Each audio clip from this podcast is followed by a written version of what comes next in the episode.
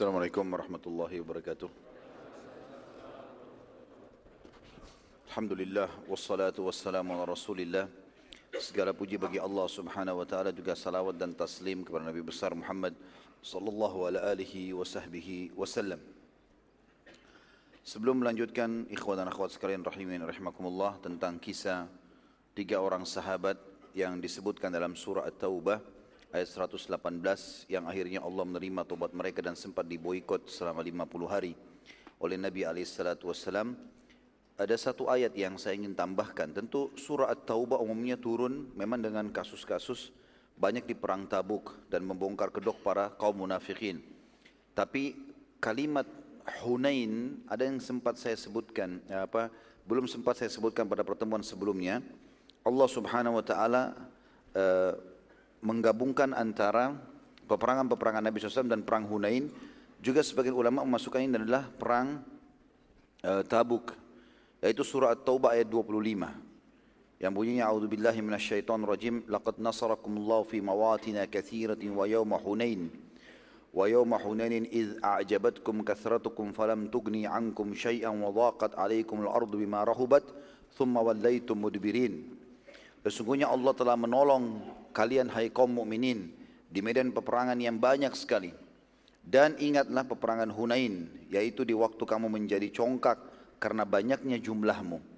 Jadi tadi kita sempat jelaskan masalah itu di awal pertemuan kita di pagi hari tentang pelajaran-pelajaran yang diambil dari perang Hunain. Di antaranya karena adanya syamata. Ya, beberapa sahabat menganggap bahwasanya pasukan musuh tidak akan mengalahkan mereka. Di sini Allah sebutkan tentang masalah kasus itu. Dan pada waktu perang Hunain, yaitu di waktu kamu menjadi congkak karena banyaknya jumlahmu, maka jumlah yang banyak itu tidak memberi manfaat kepadamu sedikit pun, dan bumi yang luas ini terasa sempit olehmu, kemudian kamu lari ke belakang dengan bercerai-berai. Jadi ini sebenarnya tambahan saja ayat bagi ikhwan dan akhwat yang menulis di perang Hunain bisa ditambahkan tadi At-Taubah ayat 25 untuk menguatkan dan memastikan tentang kasus perang Hunain memang terkalahkan muslimin di awalnya karena kasus syamatahnya atau menganggap remeh musuh. Kita masuk lanjutkan bahasa, bahasan kita saudaraku seiman tentang masalah sahabat-sahabat yang uh, tidak ikut peperangan Tabuk dan Allah Subhanahu wa taala menyebutkan mereka di dalam Al-Qur'an terutama tiga orang. Kita mulai dari tiga orang ini kisah Ka'ab bin Malik radhiyallahu anhu. Karena memang dalam riwayat Bukhari dia yang banyak disebutkan kisahnya. Kata Ka'ab, pada saat sudah banyak sahabat-sahabat yang datang dan meminta maaf dengan Nabi SAW, kemudian Nabi SAW memaafkan mereka. Lalu kita sudah jelaskan tadi juga di akhir pertemuan kita di pagi hari, kalau uh, ada di antara mereka yang membawa harta-hartanya disodokahkan agar bisa mensucikan jiwa mereka, dan Nabi SAW diperintahkan oleh Allah untuk mendoakan mereka agar dimaafkan oleh Allah, ada tiga orang sahabat, berbeda kedudukan mereka ini. Mereka di mata Nabi SAW punya kedudukan lebih tinggi dari yang lain. Artinya nggak masuk di akal kalau mereka tidak hadir dalam peperangan. Yang pertama Ka'ab bin Malik. Karena ini ahli Badr, hadir di perang Badr. Sama dengan Hilal nanti dan juga Mararah. Ya. Tapi Ka'ab yang paling banyak ceritanya. Ka'ab mengatakan, aku pun mendatangi Nabi SAW dan dalam perjalanan dari rumahku menuju ke masjid untuk bertemu dengan Nabi SAW, aku berkata dengan jiwaku sendiri, demi Allah tidak ada yang bisa menyelamatkanku hari ini kecuali kejujuran. Ka'ab berkata, saat aku menemui Nabi SAW dan mengucapkan salam, maka beliau menjawab tapi dengan senyum yang diikuti dengan penuh kekecewaan dan marah. Nabi SAW lalu bertanya kepadaku, apa yang menghalangimu ikut berperang bersamaku? Kaab lalu menjawab, demi Allah, wahai utusan Allah, aku belum pernah memiliki harta sebanyak saat aku tidak ikut perang bersama anda. Dan aku tidak punya uzur sama sekali, kecuali hanya kelemahan jiwa dan kelalaian saja. Tolong digarisbawahi dulu kalimat ini teman-teman sekalian. Ini kejadian besar ini. Karena kejadian Ka'ab bin Malik ini diceritakan dalam Al-Quran untuk menjadi pelajaran bagi kita semuanya dan juga dalam riwayat-riwayat Sahih Bukhari dan Sahih Muslim dijelaskan tentang kisah ini.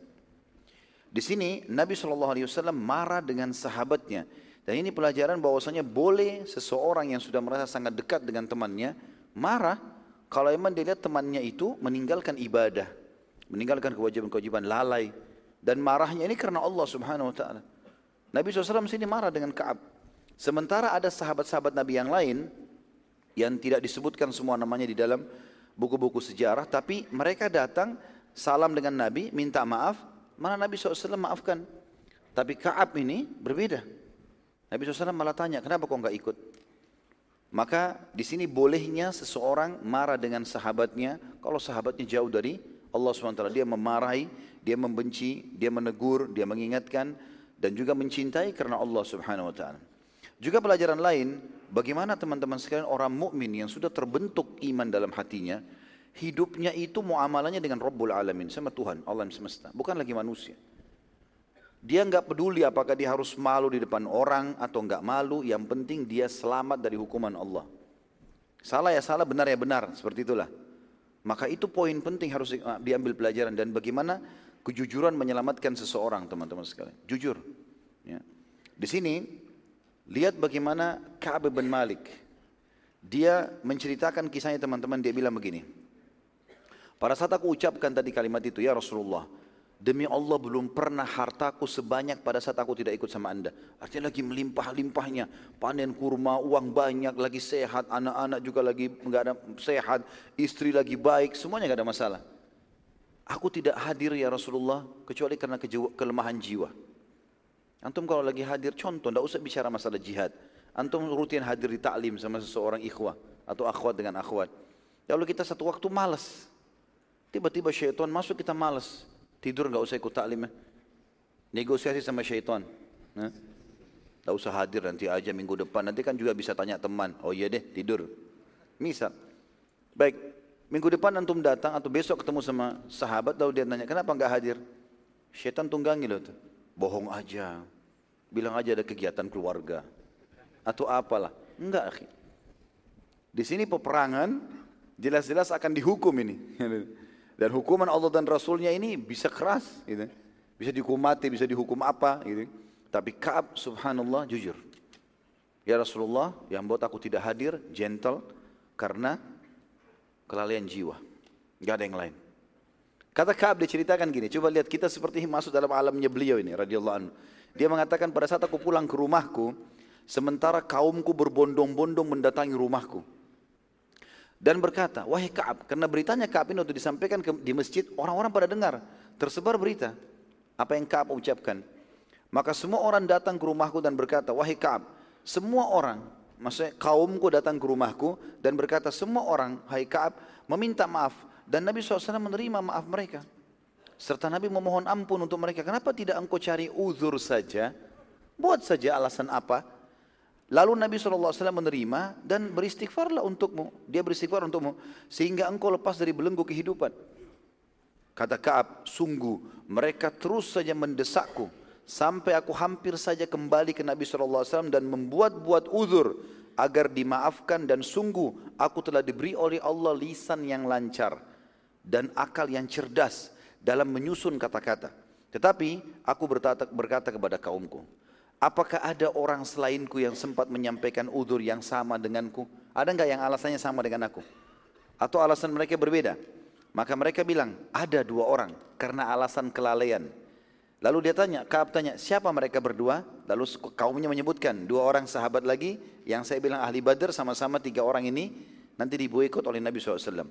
Maka mereka mengatakan Hilal bin Umayyah dan Murarah bin Rabi' radhiyallahu anhu ajma'in. Ka berkata, sungguh keduanya termasuk yang hadir di perang Badar. Sama dengan aku sama-sama hadir di Badar.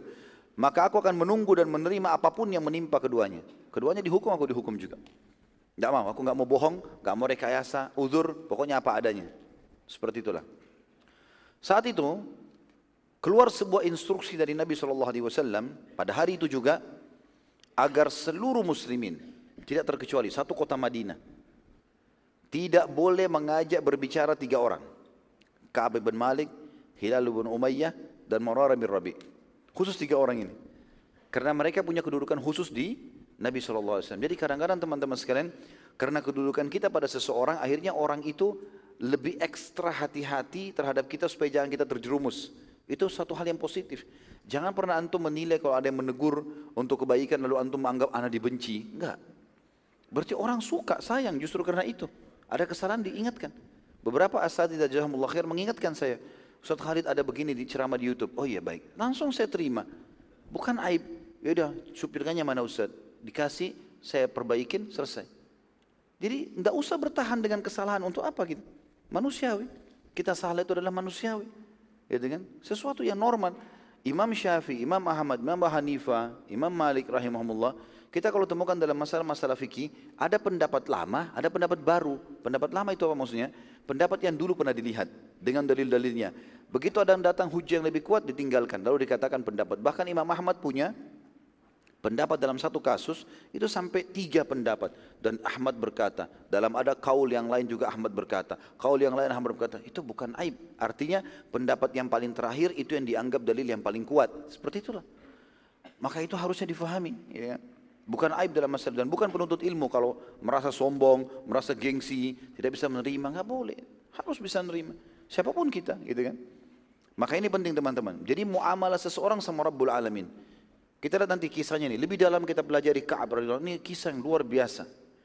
Maka serentak seluruh Madinah tidak satu pun. Ini kalau antum di balik papan satu kota balik papan. Kenal nggak kenal? Semuanya kata Ka'ab tidak satu pun berbicara denganku. Satu pun tidak ada. Sampai aku mengucapkan salam saja tidak ada satu pun yang menjawab. Assalamualaikum nggak dijawab padahal ada pahalanya gitu. Ya.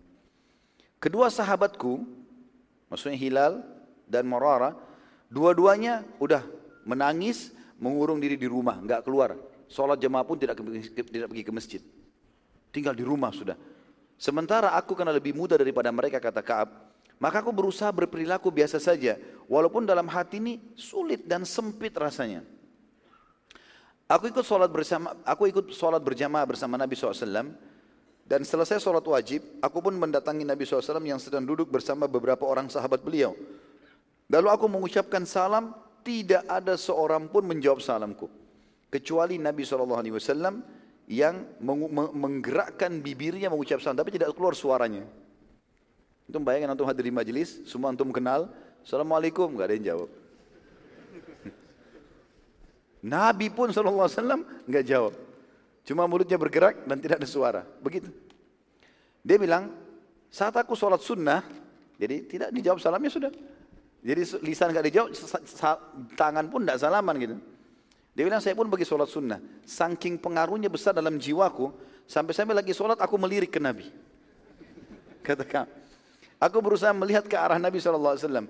Dan pada saat aku melihat ke arah Nabi, ya kalau Nabi tidak tahu, maka aku melihat Nabi sedang melihat ke arahku. Dan kalau Nabi mengetahui aku melihatnya, maka beliau mengalihkan pandangan matanya.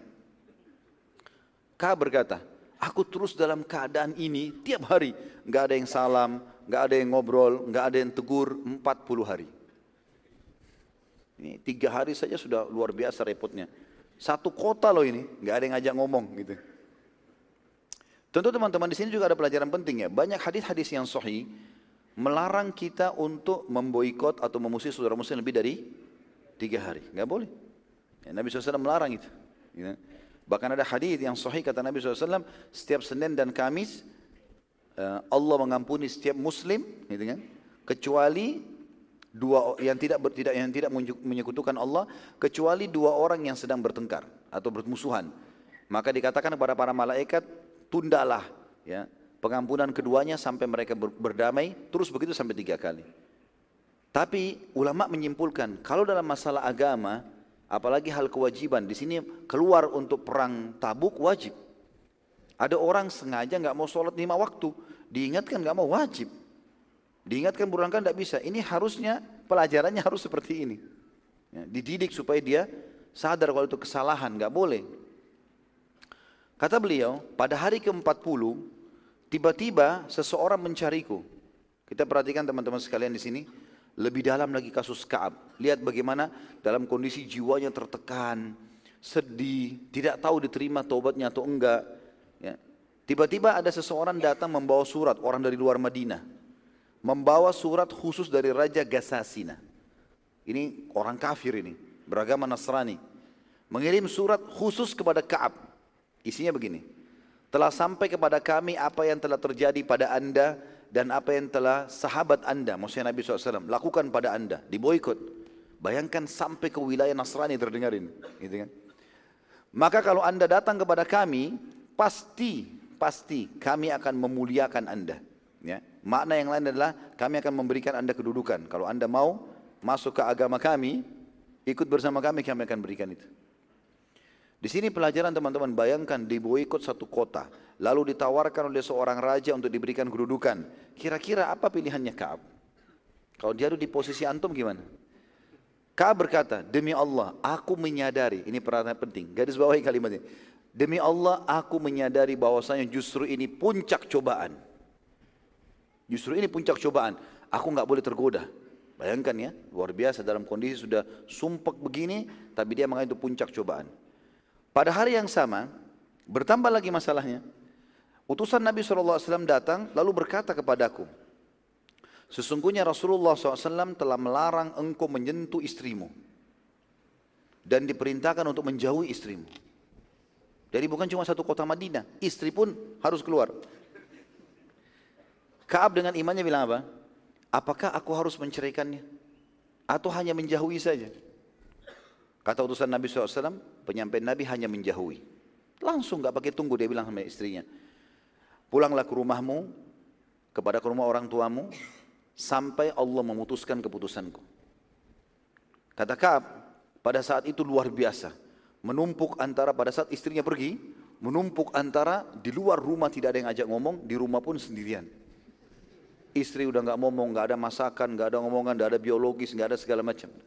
Diboykot total. Sebagian kerabat mendatangi Kaab, kata Kaab, mendatangi Kusrai berkata, wahai Kaab, sesungguhnya Hilal ibn Umayyah dan Marara bin Rabi membiarkan istri mereka di rumah. Mereka hanya saja tidak menyentuhnya. Dua temanmu juga sama perintahnya Nabi SAW. Tapi mereka minta izin sama Nabi, gak usah dipulangkan ke rumah orang tua, di rumah saja. Tapi gak disentuh, gak ada biologis sama sekali. Kau menjawab, mereka berdua sudah berumur. Aku masih muda. Gitu. Sementara aku khawatir melanggar, nanti lihat istri habis mandi, nanti dekat-dekat. Bahaya, dilarang sentuh, ini larangan Allah dan Rasulnya, hukum, melanggar. Ini sebuah iman teman-teman sekalian. Bayangkan bagaimana kekuatan iman mereka. Ya. Kita kadang-kadang siang hari Ramadan, puasa wajib. Makanya yang mau nikah nih jangan nikah bulan Syaban. Akhir Syaban menikah, dua hari lagi Ramadan. Terus nanti nggak mau sentuhan sama istrinya, bagaimana ceritanya? Tunggu Syawal, sabar sedikit. Gitu. Soalnya nanti kalau Allah Allah memerintahkan puasa Ramadan lalu dia batalin dengan jima misalnya kena denda kafara, tapi kan terganggu ibadahnya. Kecuali ada udur syar'i dia safar mungkin ya. Itulah berbeda. Tapi kalau ini enggak. Ini Kaab bukan karena puasa bukan tapi perintah Allah dan Rasul ditaati sama dia. Dan dia takut menyentuh sampai disuruh pulang istrinya. Kaab berkata, sungguh segala sesuatu berubah total padaku. Dadaku sempit, hidupku seraya senyap, bahkan istri pun sudah tidak berbicara denganku dan dunia menjadi berubah keindahannya menjadi gelap dan berjalan selama 50 hari. Tadi 40 hari. 10 hari diboikot tak bisa lagi istrinya juga. Ngomong, melayani, disentuh. Dia bilang, saya tetap komitmen. Coba bersabar dalam kemelut pikiran jadi kacau, hati jadi sempit, dada jadi sempit. Tetap saja saya sabar. Dan subhanallah di hari ke-50 dari cobaan tersebut, pada saat aku sedang sholat duha di halaman rumahku, karena panas, beliau keluar di depan rumahnya, pasang sejadahnya sholat duha.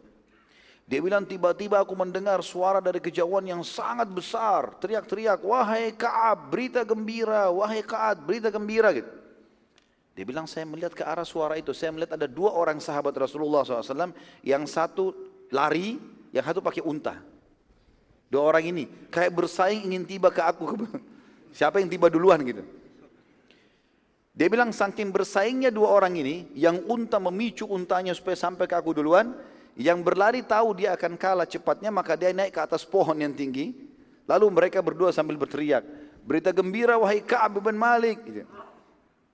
Terus saja itu di, di, di, dikumandangkan sama mereka, sampai Ka'ab mengatakan, aku pun bertanya, ada apa? Gitu. Lalu dua-duanya secara bersamaan menyampaikan, satu di atas pohon, yang satu dari untanya. Gitu kan. Jadi saking berita gembira luar biasa dia mengatakan berita gembira telah turun ayat Al-Quran yang menerima taubatmu. Maka kata Ka'ab radhiyallahu anhu, aku pun sujud kepada Allah sebagai syukur dan hatiku tiba-tiba jadi lapang. Yang tadinya bumi ini sempit jadi luas gitu. Tadinya sumpek jadi lega, kepala rasanya sempit, sem luas semuanya. Karena gembiranya, maka aku langsung mengambil bajuku dari dalam rumah dan aku memberikan kepada dua orang itu. Dan ini juga termasuk yang dianjurkan oleh para ulama, orang kalau menerima berita gembira dari seseorang, berterima kasihlah sama orang itu, berikan sesuatu hadiah. Ada orang menyampaikan dengan lahirnya anak, tentang sembuhnya penyakit, tentang apa, berikan hadiah sesuatu. Itu yang Ka'ab lakukan radhiyallahu anhu. Dia bilang saya pun segera ke masjid. Penasaran ingin tahu ada apa di masjid. Maka masjid ternyata dipenuhi oleh kaum muslimin karena Nabi SAW kumpulkan mereka telah turun ayat Al-Quran. Dan begitu aku masuk, maka mereka serentak berlumba-lumba berteriak sambil mengatakan bergembiralah wahai Ka'ab atas taubat yang Allah terima. Bergembira wahai Ka'ab atas taubat yang Allah terima. Jadi kita bisa lihat teman-teman bagaimana gembiranya mereka pada saat itu apa? Karena taubat. Kita malah gembira naudzubillah dengan maksiat dengan pelanggaran agama gitu kan bangga bisa menipu orang bangga bisa berzina bangga bisa ini dan itu. Ini mereka bangga justru karena saudaranya diterima taubatnya oleh Allah subhanahu wa ta'ala. Kata Kaab aku pun langsung target ke Rasulullah SAW datang cari Nabi SAW di mana? Nabi SAW di depan duduk sama sahabat-sahabat yang senior nih. Lalu aku mengucapkan salam. Mereka pun menjawab lalu berdirilah orang yang paling pertama dan aku tidak bisa melupakan perilakunya. Talha bin Ubaidillah radhiyallahu anhu. Talha lalu berdiri. Talha bin Ubaidillah salah satu dari 10 orang yang diambil masuk surga ini. Ya. Berdiri lalu mengatakan, memelukku sambil membisikku kalimat mengatakan, terimalah berita gembira dengan taubat Allah yang maha pemula, eh, Allah maha mulia. Nabi SAW lalu bersabda kepada Ka'ab, memperdengarkan semua sahabat, bergembiralah wahai Ka'ab, sungguh engkau hari ini lebih lebih engkau telah menerima berita yang paling ya wajar dan layak engkau syukuri semenjak ibumu melahirkanmu telah turun firman Allah Subhanahu wa taala pada saat itu turun ya e, dari ayat 117 At-Taubah sampai 121. Tapi penyebutan tentang tiga orang yang diterima taubat ini 118. Jadi kita bacakan insyaallah At-Taubah surah nomor 9 ayat 117 sampai 121. A'udzu billahi minasyaitonir rajim. Laqad taballahu 'alan nabiyyi wal muhajirin wal ansari alladziina ittaba'uuhu fi sa'atil usra. الذين اتبعوه في ساعة العسرة من بعد ما كاد yazigu قلوب فريق منهم ثم تاب عليهم إنه بهم رؤوف رحيم. Sesungguhnya Allah telah menerima taubat Nabi, orang-orang muhajirin dan orang-orang ansar yang mengikuti Nabi dalam masa kesulitan. Makna sampai potongan ayat ini adalah semua dosanya muhajirin dan ansar dimaafkan. Ya, dari awal mereka masuk Islam. Setelah hati segolongan dari mereka hampir berpaling, ada di antara mereka yang sempat tidak mau ikut ke Badar, eh, ke Uhud, ya, ke beberapa peperangan, termasuk perang Tabuk. Kemudian Allah menerima taubat mereka. Sesungguhnya Allah Maha Pengasih lagi Maha Penyayang kepada mereka. Artinya teman-teman, kalau ada upaya sedikit saja untuk taubat, Allah akan menyambut itu. Ya, Allah akan mudahkan kita. Sedikit saja kita menyesali, Allah akan ikutkan kita dengan rasa menangis, rasa menyesal, kita merasa sempit, ingin bertaubat, ingin beristighfar. Itu Allah merangkul tanda kutip kita, membawa kita kepada jalannya. Ayat 118 Allah sebutkan tiga orang ini. Wa ala thalathati alladhina khullifu hatta idha dhaqat alaihimul ard حتى إذا ضاقت عليهم الأرض بما رحبت وضاقت عليهم أنفسهم وظنوا أن لا ملجأ من الله إلا إليه وظنوا أن لا ملجأ من الله إلا إليه ثم تاب عليهم ليتوبوا إن الله هو التواب الرحيم dan terhadap tiga orang disebutkan di sini Ka'ab bin Malik, Hilal bin Umayyah dan Murarah bin Rabi radhiyallahu anhu majma'in yang ditangguhkan penerimaan taubat mereka Hingga apabila bumi telah menjadi sempit bagi mereka, padahal bumi itu luas dan jiwa mereka pun telah sempit terasa oleh mereka. Serta mereka telah mengetahui bahwa tidak ada tempat lari dari siksa Allah melainkan kepadanya saja. Kemudian Allah menerima taubat mereka agar mereka tetap dalam taubatnya. Sesungguhnya Allah lah yang maha menerima taubat dan maha penyayang. Kata para ulama, bentuk kasih sayangnya Allah subhanahu wa ta'ala kalau Allah menerlambatkan beberapa saat penerimaan doanya, ataupun membiarkan dia dalam keadaan sumpah atau sedihnya dalam pada masa dia bertaubat dan itu akan mencapai puncak daripada pahala ya. Makanya kita kalau sampai pada titik klimaks, puncaknya maka sudah dekat dengan jalan keluar. Fa inna ma'al usri yusra. Pasti di setiap puncak masalah akan ada yusrahnya. Ada usra, ada yusra. Pasti ada kesulitan, ada kemudahan gitu. Kemudian ayat 119. Ya ayyuhalladzina amanu taqullaha wa kunu ma'as sadiqin. Oleh karena itu hai orang-orang beriman, bertakwalah kepada Allah, hanya patuh dan tunduk kepada Allah dan hendaklah kalian selalu bersama dengan orang-orang yang jujur. Ini ini kasusnya karena mereka jujur, Allah berikan pelajaran bagi orang-orang beriman. Ayat 120 Maka li ahli al-Madinati wa man hawlahum min al-a'rabi an yatakhallafu ar Rasulillahi wa la yarghabu bi anfusihim an nafsi. ذلك بأنهم لا يصيبهم ظمأ ولا نصب ولا مخمصة في سبيل الله ولا يطعون موطعا ولا يطعون موطئا يجيد الكفار ولا ينالون من عدو نيلا إلا كتب لهم به عمل صالح إن الله لا يضيع أجر المحسنين Tidaklah sepatutnya bagi penduduk Madinah dan orang-orang Arab Badui yang berdiam di sekitar Madinah tidak turut menyertai Rasulullah SAW dalam berperang dan tidak patut pula bagi mereka lebih mencintai diri mereka daripada mencintai diri Rasul alaihissalam. Yang demikian itu ialah karena mereka tidak ditimpa kehausan, kepayahan dan kelaparan pada jalan Allah kalau lagi berperang, haus, panas, gangguan orang dan tidak pula menginjak suatu tempat yang membangkitkan amarahnya orang-orang kafir. Karena tiba di lokasi orang kafir maka pemilik lokasi marah dan tidak menimpahkan tidak tertimpa pun satu bencana atau mereka menimpakan satu bencana kepada musuh. Mereka menyakiti musuh tersebut atau membunuhnya melainkan dituliskan bagi mereka dengan ya, dengan yang demikian itu suatu amal saleh. Membunuh orang kafir, dibunuhkah, capekkah, letihkah, semuanya dalam jihad pahala. Sesungguhnya Allah tidak menyanyiakan pahala orang-orang yang berbuat baik. Ayat 121-nya. ولا ينفقون نفقة صغيرة ولا كبيرة ولا يقطعون وادئا ولا يقطعون واديا إلا كتب لهم ليجزيهم ليجزيهم الله أحسن ما كانوا يعملون dan mereka tidak menafkahkan satu nafkah yang kecil, tidak pula yang besar dan tidak melintasi suatu lembah melainkan dituliskan bagi mereka amal saleh karena Allah akan memberi balasan kepada mereka yang lebih baik daripada apa yang telah mereka kerjakan itu. Saksi bahasan kita tadi adalah ayat 118-nya tentang tiga orang itu. Setelah itu teman-teman sekalian, ada kejadian yang unik sekali. Nabi SAW waktu menerima ayat ini turun, begitu selesai, langsung Nabi SAW naik di atas mimbar. Mengumpulkan seluruh masyarakat. Masyarakat Madinah lagi kumpul. Dan di masjid rupanya bersatu di situ di dalam majelis antara orang mukmin sama orang orang munafik ini. Dan sudah kita jelaskan dari awal perang Tabuk, kalau hakikatnya perang ini adalah antara muslimin dengan siapa? Munafik. Ya. Maka Nabi SAW naik di atas mimbar. Setelah tahmid dan salawat, lalu beliau membongkar satu persatu kedok munafik yang hadir di masjid. Nabi SAW mengatakan setelah tahmid dan salawat, wahai sekalian manusia. Di antara kalian ada munafik yang harus kalian kenal mereka. Siapa pun yang aku sebutkan namanya, segera berdiri. Maka mulailah Nabi SAW menyebut satu persatu. Berdiri wahai fulan, berdiri wahai fulan, berdiri wahai fulan. Sampai Nabi menyebutkan 36 orang. Dan ini 36 orang semuanya pimpinan-pimpinan munafik. Satu-satunya Nabi tidak sebut adalah Abdullah bin Abi Salul. Kenapa nggak disebut? Karena satu Madinah sudah tahu kalau dia pimpinan munafik. Iya.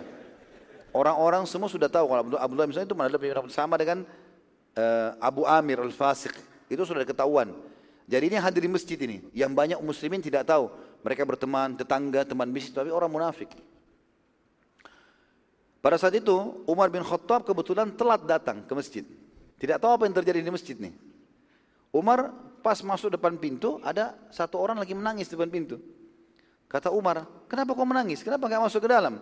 Dia bilang Rasulullah SAW menghitungku salah satu dari munafik. Langsung Umar mengatakan, semoga Allah menghukummu. Kenapa selama ini kau menyembunyikannya gitu.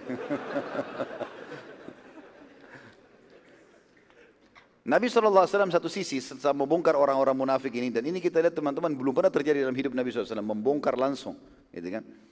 Dari sisi lain Nabi SAW menyampaikan berita gembira kepada kaum muslimin bahwasanya mulai hari ini setelah perang Tabuk ke depannya umat Islam tidak akan pernah kalah.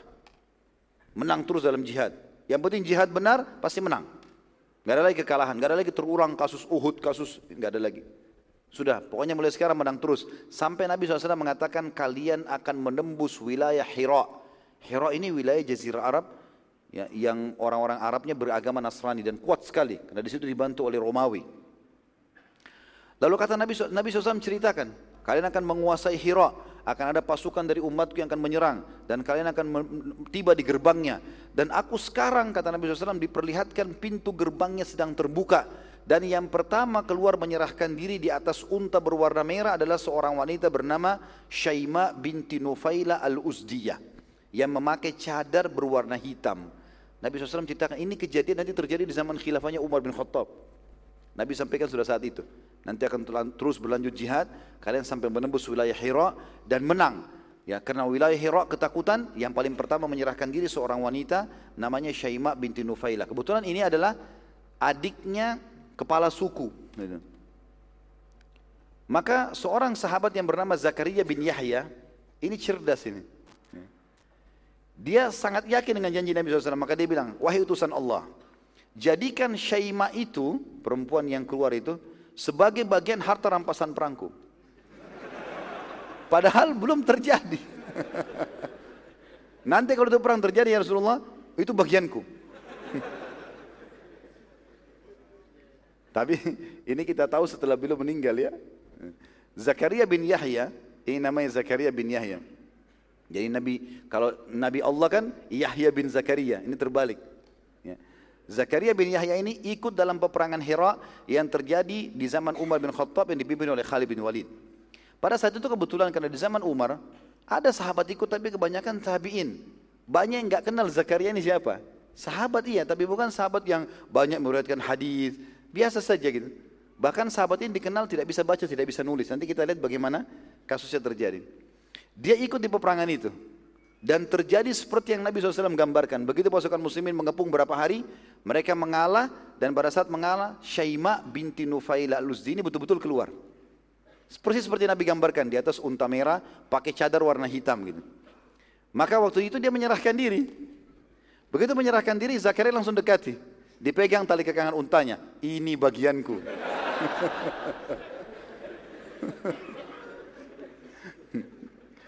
Lalu orang-orang pada tanya, wahai Zakaria, dari mana ceritanya? Belum dibagi, belum di, dikumpulkan pada pimpinan perang, nanti dibagi. Kenapa kau langsung fonis gitu? Dia bilang Rasulullah sudah kasih untukku. waktu itu uniknya, Khalid bin Walid pun tidak tahu. Karena Khalid bin Walid tidak hadir di masjid waktu penunjukan kisah ini gitu kan. Karena habis pembongkaran orang-orang munafik lalu Nabi sampaikan ini gitu kan. Spontanitas jadi sedikit yang hadir. Maka kata Khalid, mana saksimu? Ada saksi, bukti, ada nggak ini? Kalau betul-betul seperti ini. Apalagi ini membawa nama Rasulullah SAW. Rasulullah kasih buat aku nih. Ini Rasulullah sudah meninggal sekian tahun lalu nih. Gitu kan. Maka didatangkan saksi-saksi lah. Ternyata ada beberapa sahabat yang hadir betul-betul memberikan kesaksian mengatakan betul. Memang kami mendengarkan. Tepatnya Muhammad bin Maslama dan Muhammad bin Bishir. Ini kebetulan hadir di masjid waktu itu dan dengar maka mereka berdua mengatakan Muhammad bin Maslama dan Muhammad bin Bishir ini mengatakan iya benar. Kami dengarkan sendiri itu. Rasul dia minta sama Nabi, Nabi mengatakan dia bagianmu. Maka gara-gara itu Syaima menjadi harta rampasannya Zakaria bin Yahya. Rupanya waktu Syaima keluar dan menyerahkan diri, kakaknya dia kepala suku namanya Abdul Masih, orang Nasrani tapi turunan Arab. Makanya dinamakan Abdul Masih, ya. Hambanya Al-Masih Isa maksudnya gitu ya. Abdul Masih ini bin Nufaila, saudaranya Syaima keluar dengan membawa kesepakatan damai. Tapi masalahnya Syaima sudah menjadi tawanan perang. Gitu kan? Abdul Masih lalu menanyakan kepada muslimin, di mana adik saya tadi Syaima? Mereka bilang ada bagiannya seorang prajurit Zakaria. Maka Abdul Masih datang mengatakan, wahai Zakaria, kembalikan adikku. Aku tebus berapa saja kau minta. Jadi saking tidak bisanya membaca Zakaria radhiyallahu anhu ini, beliau bilang, Demi Allah kau tidak akan mengembalikan kepadamu kecuali kau bayar 100 dirham. 100 dirham ini kecil, murah. Sedikit sekali. Abdul Masih nggak pakai bicara, langsung kasih 100 dirham selesai. Diambil adiknya gitu. Kalau antum mungkin tidak mau dibayar ya. Para prajurit datangi Zakaria setelah itu. Apa yang mereka bilang? Kenapa engkau hanya minta 100 dirham? Demi Allah kalau kau minta 100 ribu dirham, Pasti dibayar. Karena ini orang kaya, ini kepala suku. gitu. Apa kata Zakaria? Apa masih ada angka di atas 100?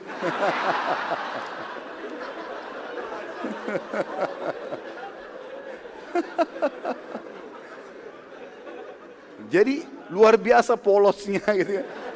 Nggak bisa baca, nggak bisa hitung gitu. Sama dengan antum cuma tahu ada nilai seribu rupiah aja. Nggak tahu ada seratus ribu, nggak tahu ada miliaran gitu. Sudah selesai. Seperti itu aja. Jadi akhirnya lepaslah Syaima dengan seratus dirham saja. Baik, itu selesai penyampaian Nabi Shallallahu Alaihi Wasallam. Bubarlah orang di masjid pada saat itu. Itu, itu tambahan tadi ya. Itu tambahan karena penyampaian Nabi SAW sampai ke pembebasan Hera tadi dan bagaimana Zakaria minta Syaima menjadi bagiannya. Kasus masalah peperangan tadi yang terjadi zaman Umar Khattab itu tambahan informasi untuk menguatkan berita tadi. Selesai penyampaian Nabi SAW pembongkaran kedok orang-orang munafik ini. Kita kembali ke kasus masjid Nabi SAW. Maka seluruh orang munafik waktu itu shock berat di Madinah karena kebongkar. Orang yang tadinya tetangga nggak tahu sudah tahu sekarang. Seluruh orang tahu oh ini munafik, orang munafik dan fonis Nabi SAW sebagian ulama mengatakan fonis yang menandakan mereka bukan uh, bukan orang yang akan taubat tapi orang yang sudah difonis. Kalau orang yang masih belum ditunjuk mungkin masih ada jedah dia taubat. Ini berarti orang-orang tidak taubat ini. Ini berat sekali. Maka pimpinan mereka Abdullah bin Abi Salul gara-gara kejadian tersebut sakit parah. Ya, dia terganggu sekali karena teman-temannya orang-orang munafik ini sudah tidak mau lagi disuruh oleh dia merasa ketakutan dengan muslimin bisa-bisa tiba, bisa tiba-tiba disuruh bunuh apa saja yang dia ketakutan sendiri walaupun Nabi SAW tidak suruh bunuh mereka. Waktu Abdullah bin Abi Salul sakit parah, dia pun mengirim surat kepada Nabi SAW mengatakan, Ya Rasulullah, datanglah jenguk aku. Nabi SAW datang, gitu kan? datang ke rumahnya. Begitu datang, Nabi SAW begitu masuk, ya duduk di sebelahnya lalu yang pertama diucapkan sama dia bukan minta maaf sama Nabi bukan mengucapkan syahadat yang tulus sudah mau mati nih. dia masih mengatakan mana para sekutuku kaum kaum Yahudi coba mereka ada di sisiku sekarang pasti mereka akan menghiburku karena dia dulu sekutu sama Bani Nadir, Bani Quraidah, Bani Kainuqa yang diusir semua oleh Nabi SAW dari Madinah akhirnya lari ke Khaybar, di Khaybar pun mereka dikalahkan. Nabi SAW berkata kepadanya, bukankah aku telah melarangmu mencintai Yahudi? Nabi SAW ingatkan. Abdullah menjawab, As'ad ibn Zurarah, ada salah satu orang dari sukunya radhiyallahu anhu. Ini sahabat Nabi yang pertama kali mendirikan Jumat di rumahnya di Madinah. Kalau masih ingat dulu. Ada 40 orang yang sholat bersama di rumahnya. Kata dia, As'ad ibn Zurarah satu suku sama aku, membenci Yahudi tidak bermanfaat buat dia. Dia tidak yakin kalau As'ad ini sudah meninggal dan sudah masuk surga. Ini orang mukmin. Bagi dia rugi kenapa benci orang Yahudi. Abdullah lalu berkata, wahai Muhammad, maksudnya Abdullah bin Abi Salul, bin munafik. Aku akan meninggal dunia. Dia tahu dirinya akan mati. Aku ingin saat akan meninggal dunia engkau mengkafaniku dengan bajumu ini dan sholatilah jenazahku secara langsung. Nabi SAW mengatakan baiklah kalau gitu. Sempat Nabi SAW mengajak menyadarkan ya dengan eh, perbaikilah syahadat, dinasihati dengan baik. Dia, dia tetap mengatakan, Hai Muhammad, sudahlah ini bukan saatnya berdebat. Jadi dia tetap alihkan pembicaraan. Intinya dia meninggal, akhirnya tidak sempat bersyahadat. Saat Abdullah wafat, dan Nabi SAW mengumpulkan muslimin untuk mensolati Abdullah ini, maka Umar bin Khattab lalu mendatangi Nabi SAW di masjid. Lalu terkenal Abdullah bin Abi Salul telah mati, pimpinan munafik, dibawa ke masjid, Nabi SAW mau solati. Umar datang lalu mengatakan, wahai utusan Allah, jangan anda solati orang ini, jelas munafik. Ya. Nabi SAW menjawab Umar, wahai Umar, Allah masih memberiku pilihan memohon ampun untuk mereka atau tidak. Ada ayat Al-Quran seperti itu. Umar mengulangi lagi setelah menahan tubuh Nabi SAW. Sampai kata Umar, saya tidak tahu kenapa saya berperilaku begitu tegas dengan Nabi. Sampai aku memegang pundak Nabi SAW dan mengatakan, wahai utusan Allah, Allah telah melarang anda mensolati munafik, jangan disolati. Nabi SAW tetap menjawab, aku memohon ampun untuknya, hai Umar, walaupun 70 kali. Jadi ini saking cintanya Nabi SAW dengan umatnya. Yang penting orang ini pernah syahadat masalah dia bohong tidak urusan dia sama Allah. Gitu. Ya. Umar lalu berkata, aku benar-benar tidak tahu kenapa pada saat itu aku sangat tegas terhadap Nabi SAW dan ternyata pada saat itu pun turun firman Allah SWT. Jadi Nabi SAW solati jenazahnya Abdullah bin Abi Salulin gitu kan. Tapi turun firman Allah mengingatkan Nabi SAW. Surah At-Taubah surah nomor 9 ayat 80. Bunyinya a'udzubillahi minasyaitonirrajim. Istaghfir lahum aw la tastaghfir lahum in tastaghfir lahum sab'ina marratan falan yaghfir Allah lahum dzalika bi annahum kafaru billahi wa rasulih wallahu la yahdil qaumal fasiqin Kau memohon ampun untuk mereka hai Muhammad dan tidak memohon ampun bagi mereka sama saja. Kendati pun kau memohon ampun bagi mereka 70 kali, namun Allah sekali-kali tidak akan memberi ampunan kepada mereka. Yang demikian itu karena mereka telah kafir kepada Allah dan Rasulnya. Dan Allah tidak akan memberi petunjuk kepada orang-orang fasik. Artinya jelas dari ayat ini teman-teman sekalian ulama sepakat kalau ini turun kepada Abdullah bin Abi Salul. Kalau dia dipastikan kafir dan akan menjadi penghuni neraka.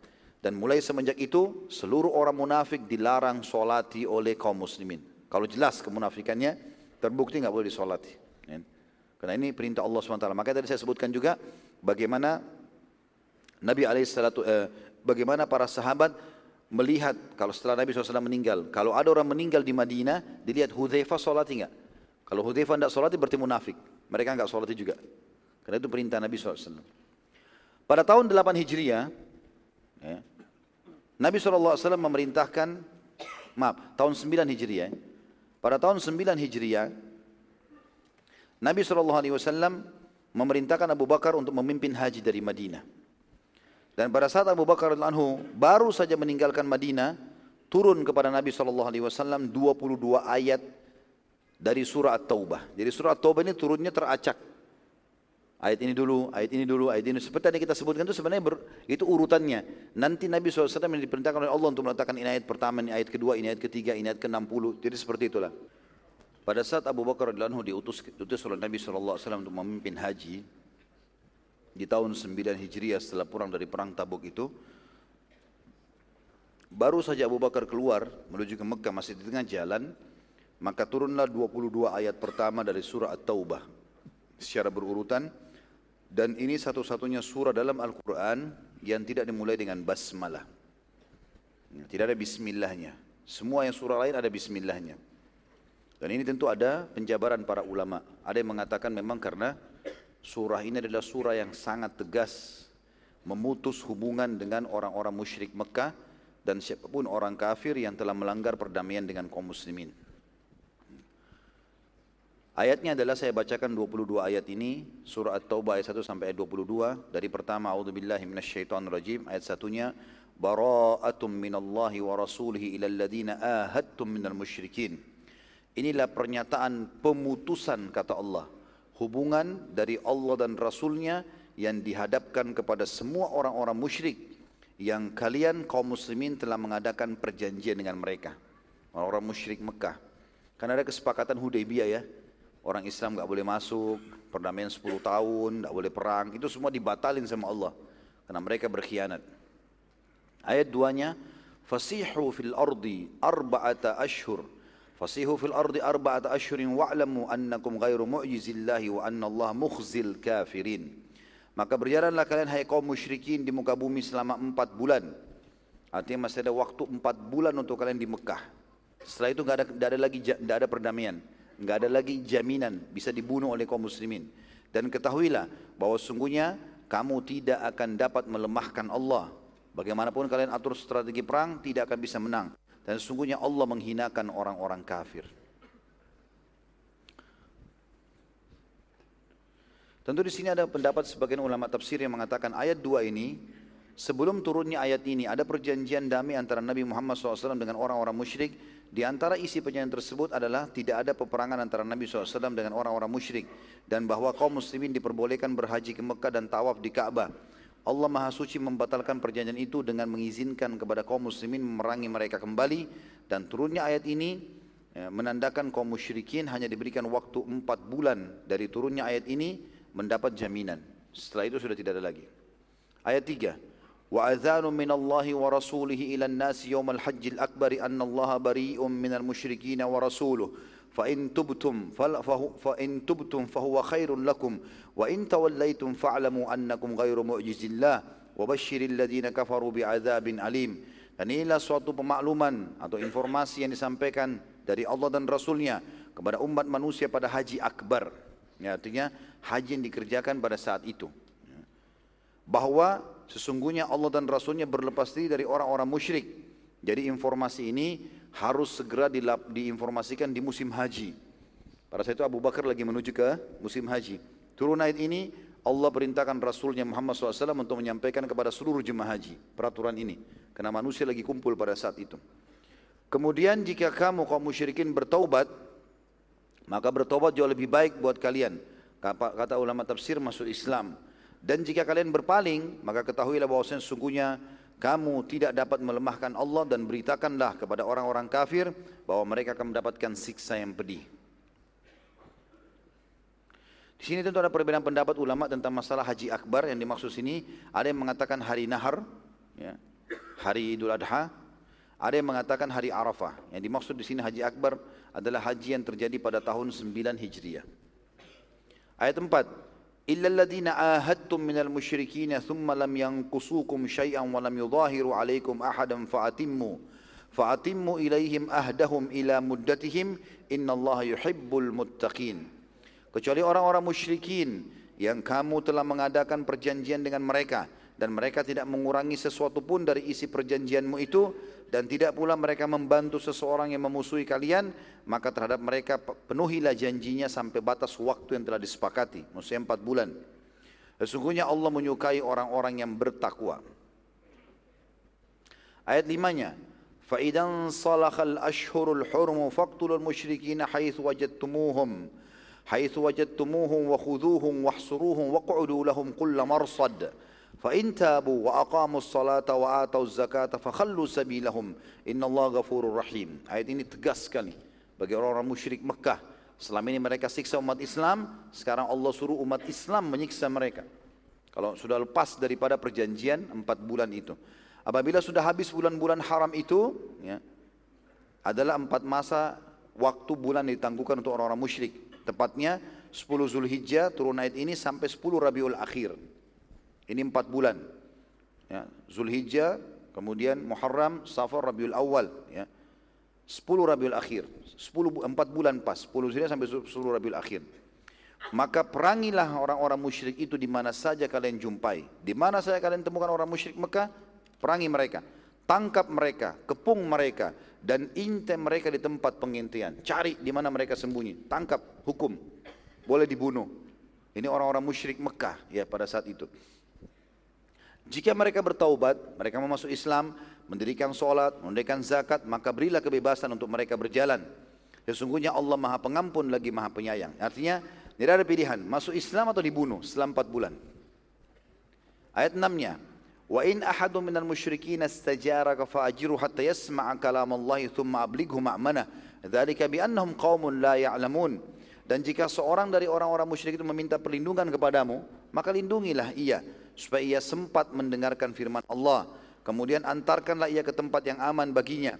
Demikianlah itu disebabkan mereka kaum yang tidak mengetahui. Artinya kalau ada orang musyrik setelah turun ayat ini minta perlindungan hai Muhammad lindungi saja. Datang ke Madinah, tolong saya mau tinggal atau minta di Mekah saya membutuh waktu, silakan. Tapi sampai empat bulan itu, lindungi mereka dan perdengarkan ayat-ayat Al-Quran. Mudah-mudahan mereka bisa dapat petunjuk. Ayat tujuhnya, kaifa yakunu lil musyrikina ahdun indallahi wa inda rasulih illa alladhina ahadtum indal masjidil haram famastaqamu lakum fastaqimu lahum الله yuhibbul muttaqin Bagaimana bisa ada perjanjian aman di sisi Allah dan Rasulnya dengan orang-orang musyrikin kecuali orang-orang yang telah mengadakan perjanjian dengan mereka di dekat Masjidil Haram? Artinya Hudaybiyah maka selama mereka berlaku lurus terhadapmu, tidak berkhianat, hendaklah kamu berlaku lurus pada mereka juga. Sesungguhnya Allah menyukai orang-orang yang bertakwa. Artinya, arti ayat ini, andai saja mereka tidak berkhianat, ya, karena kita sudah tahu ada pengkhianatan suku Bakar, ya, yang merupakan sekutunya Quraisy dan Quraisy juga ikut-ikut membunuh suku Khuza'ah pada saat itu, ya. Kalau mereka tidak lakukan itu maka mereka aman. Muslimin pun disuruh patuh selama 10 tahun perdamaian. Tapi karena mereka berkhianat maka terputuslah semua itu. Allah jelaskan di ayat 7 ini kenapa Allah membatalkan perdamaian dengan Quraisy. Ayat 8-nya, "Kaifa wa in yadhharu 'alaikum la yarqubu fikum illa wala dhimmah yurdunakum bi afwahihim wa ta'ba qulubuhum wa aktsaruhum fasiqun." Bagaimana bisa ada perjanjian dari sisi Allah dan Rasulnya dengan orang-orang musyrik? Padahal jika mereka memperoleh kemenangan terhadap kamu, mereka tidak memelihara hubungan kekerabatan terhadap kamu dan tidak pula mengindahkan perjanjian. Kalau mereka menang, mereka punya peluang, mereka akan menyerang kalian. Mereka berkhianat. Mereka menyenangkan hatimu dengan mulut mereka saja. Kita damai, kita damai, tapi bohong. Sedangkan hati mereka menolak dan kebanyakan mereka adalah orang-orang fasik, tidak menepati janji. Jadi perlu kita garis bawah ya, waktu Nabi SAW masuk ke Mekah, beliau tidak mewajibkan masyarakat mau masuk Islam, pilihan. Silakan mau masuk Islam silakan, tapi yang dalam keadaan musyrik harus keluar maksimal 4 bulan. Termasuk salah satu tokoh mereka Safwan bin Umayyah bin Khalaf yang akhirnya masuk Islam. Nabi SAW berikan 4 bulan. Dan sempat waktu perang Hunain Nabi SAW meminjam dari dia baju perang, pedang, perisai dan seterusnya. Ayat 9-nya اشتروا بآيات الله ثمنا قليلا فصدوا عن سبيله innahum sa'a ma kanu ya'malun mereka menukarkan ayat-ayat Allah dengan harga yang sedikit lalu mereka menghalangi manusia di jalan dari jalan Allah sungguhnya amat buruk apa yang mereka kerjakan itu jadi orang-orang musyrik tahu ini adalah ayat-ayat Allah tapi mereka memperjualbelikan tidak mau menerima hanya karena urusan dunia hanya karena gengsi malu merasa kenapa harus ikuti Nabi SAW yang lebih tua merasa Muhammad lebih muda, yang lebih kaya merasa lebih kaya dan seterusnya. Ayat 10-nya, la yarkubuna fi mu'minin illa wala dhimma wa ulaika humul mu'tadun. Mereka tidak memelihara hubungan kekerabatan dengan orang-orang mukmin dan tidak pula mengindahkan perjanjian dan mereka itu adalah orang-orang yang melampaui batas. Ayat 11-nya, fa in tabu wa aqamus salata wa atau zakata fa ikhwanukum fid din wa nufassilul ayati liqaumin ya'lamun. Jika mereka bertaubat, sekali lagi mereka masuk Islam, mendirikan sholat, mendirikan zakat, maka mereka adalah saudara-saudara kalian seagama. Dan kami menjelaskan ayat ini, ayat-ayat ini bagi kaum yang mau mengetahui. Artinya, kalau mereka sudah masuk Islam, walaupun mereka dulu buruk memerangi umat Islam, tetap diterima. Ya. Kasus seperti Abu Sufyan, istrinya Hindun, dari orang Jumain sudah masuk Islam. Dulu perangi Islam, tapi setelah masuk Islam Nabi SAW terima itu. Ayat 12-nya, wa in nakathu aymanahum min ba'di ahdihim wa ta'anu wa ta'anu fi dinikum faqatilu aimmatal kufri innahum la aymana lahum la'allahum yantahun. Jika mereka merusak sumpah janji sesudah mereka berjanji dan mereka mencercah agamamu Islam dihina maka perangilah pemimpin-pemimpin orang kafir itu. Karena sungguhnya mereka itu adalah orang-orang yang tidak dapat dipegang janjinya agar mereka uh, supaya atau agar supaya mereka berhenti itu terjemahnya begitu agar supaya mereka berhenti. Artinya sampai mereka tidak lagi memerangi muslimin. Ayat 13. Ala tuqatiluna qauman nakathu aymanakum uh, nakathu aymanahum. Saya ulangi. Ala tuqatiluna qauman nakathu aymanahum wa hammu bi ikhrajir rasul. Wa hammu bi ikhrajir rasul wa hum bada'ukum awwala marrah. Atakhshawnahum fallahu ahaqqu an takhshawhu in kuntum mu'minin. Mengapa kamu tidak memerangi orang-orang yang merusak sumpah janji itu? Bukankah mereka yang merusak janji pertama? Padahal mereka telah keras kemauannya untuk mengusir Rasul dan mereka yang pertama kali memerangi kalian, seorang orang Mekah.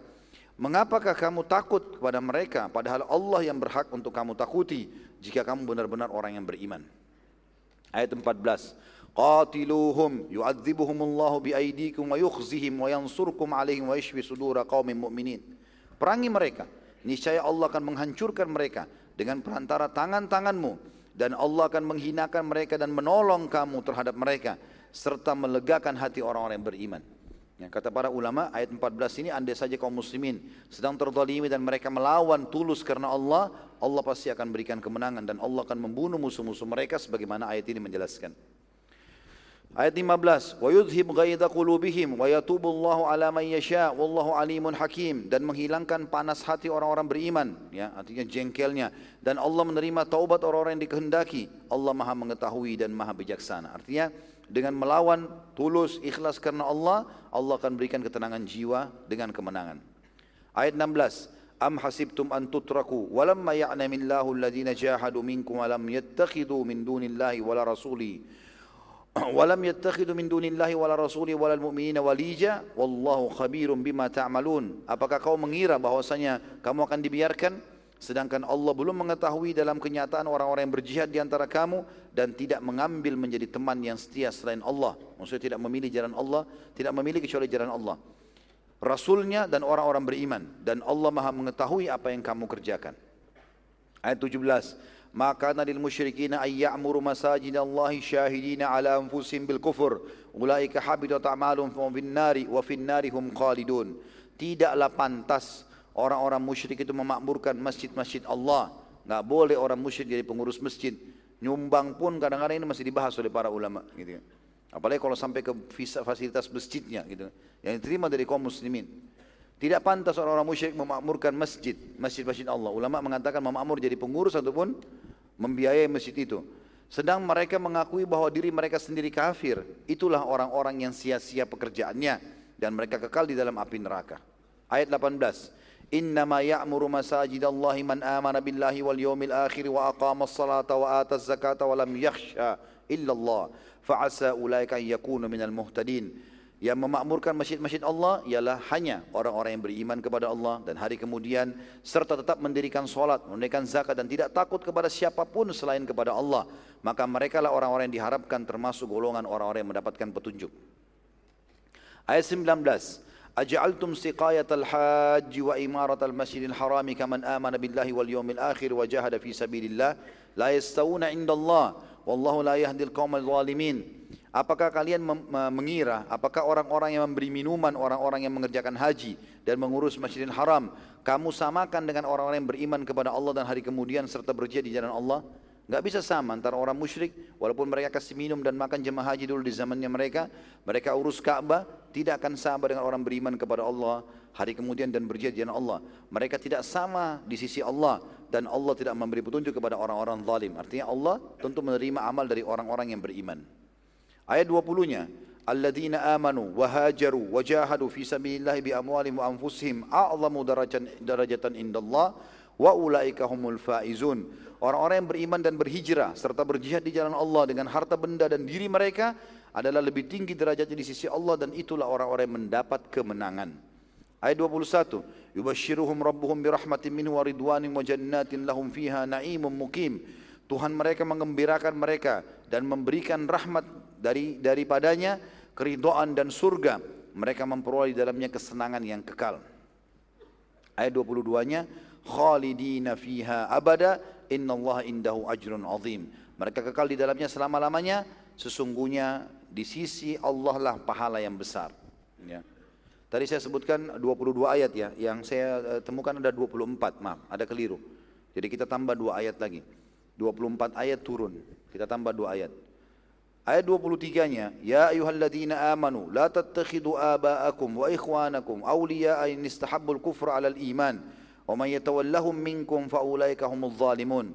Hai orang-orang beriman, janganlah kamu jadikan bapak-bapak dan saudara-saudaramu menjadi walimu, artinya tempat kamu bergantung jika mereka lebih mengutamakan kekafiran atas keimanan dan siapa di antara kalian yang menjadikan mereka wali, maka mereka itulah orang-orang yang zalim. Siapa yang tetap bergantung pada orang kafir walaupun dia disuruh tinggalkan agamanya, tetap dia ikuti, maka ini berarti orang-orang yang zalim. Terakhir ayat 24-nya, Kul in kana aba'ukum wa abna'ukum wa ikhwanukum wa azwajukum wa ashiratukum wa amwalun iktaraftumuha wa tijaratun takhshawna kasadaha wa masakinu tardawnaha ahabba ilaikum minallahi wa rasuli wa jihadin fi sabili fatarabbasu Fatarabbasu hatta ya'ti Allah bi amri wallahu la yahdil qaumal fasiqin. Katakanlah hai Muhammad, jika bapak-bapakmu, anak-anakmu, saudara-saudaramu, istri-istrimu, kaum keluargamu, harta kekayaan yang kamu sedang kumpulkan dan usahakan, perniagaan yang kamu khawatiri kerugiannya dan tempat tinggal yang kamu sukai, rumah-rumah yang mewah adalah lebih kau cintai daripada Allah dan Rasulnya dan dari berjihad di jalannya maka tunggulah sampai Allah mendatangkan keputusannya dan Allah tidak memberi petunjuk kepada orang-orang yang fasik. Terus saja surah At-Taubah ini terlengkapkan pada saat itu teman-teman sekalian kalau antum kembali membaca juga kita lihat dari ayat 38 sampai ayat 60 semuanya ini berisikan tentang cerita kejadian-kejadian itu. Ya, sebagian potongan-potongnya sudah kita bacakan tadi ya. Sudah kita bacakan tadi pada saat di awal-awal sebab-sebab turunnya gitu. Tapi di sini ada beberapa hal yang perlu kita garis bawahi tentang penekanan itu. Saya lanjutkan ayat tapi berbeda dari ayat 38 sampai ayat 60 surah At-Taubah untuk melengkapkan apa yang kita bahas ya. Tentu tadi 24 ayat yang turun pada saat perintah untuk haji ya. Nanti kita akan lanjutkan setelah baca ayat-ayat ini bagaimana Nabi SAW memerintahkan Ali bin Abi Thalib untuk menyampaikan ayat ini di musim haji. Saya bacakan dulu untuk melengkapkan bahasan tentang uh, perang Tabuk ini dalam surah At-Taubah masih At-Taubah tapi ayat 38 sampai 60 juga Allah Subhanahu wa taala berfirman, "Ya ayyuhalladzina amanu, ma lakum idza qila lakum firu fi sabilillahi thaqaltum ila al-ard?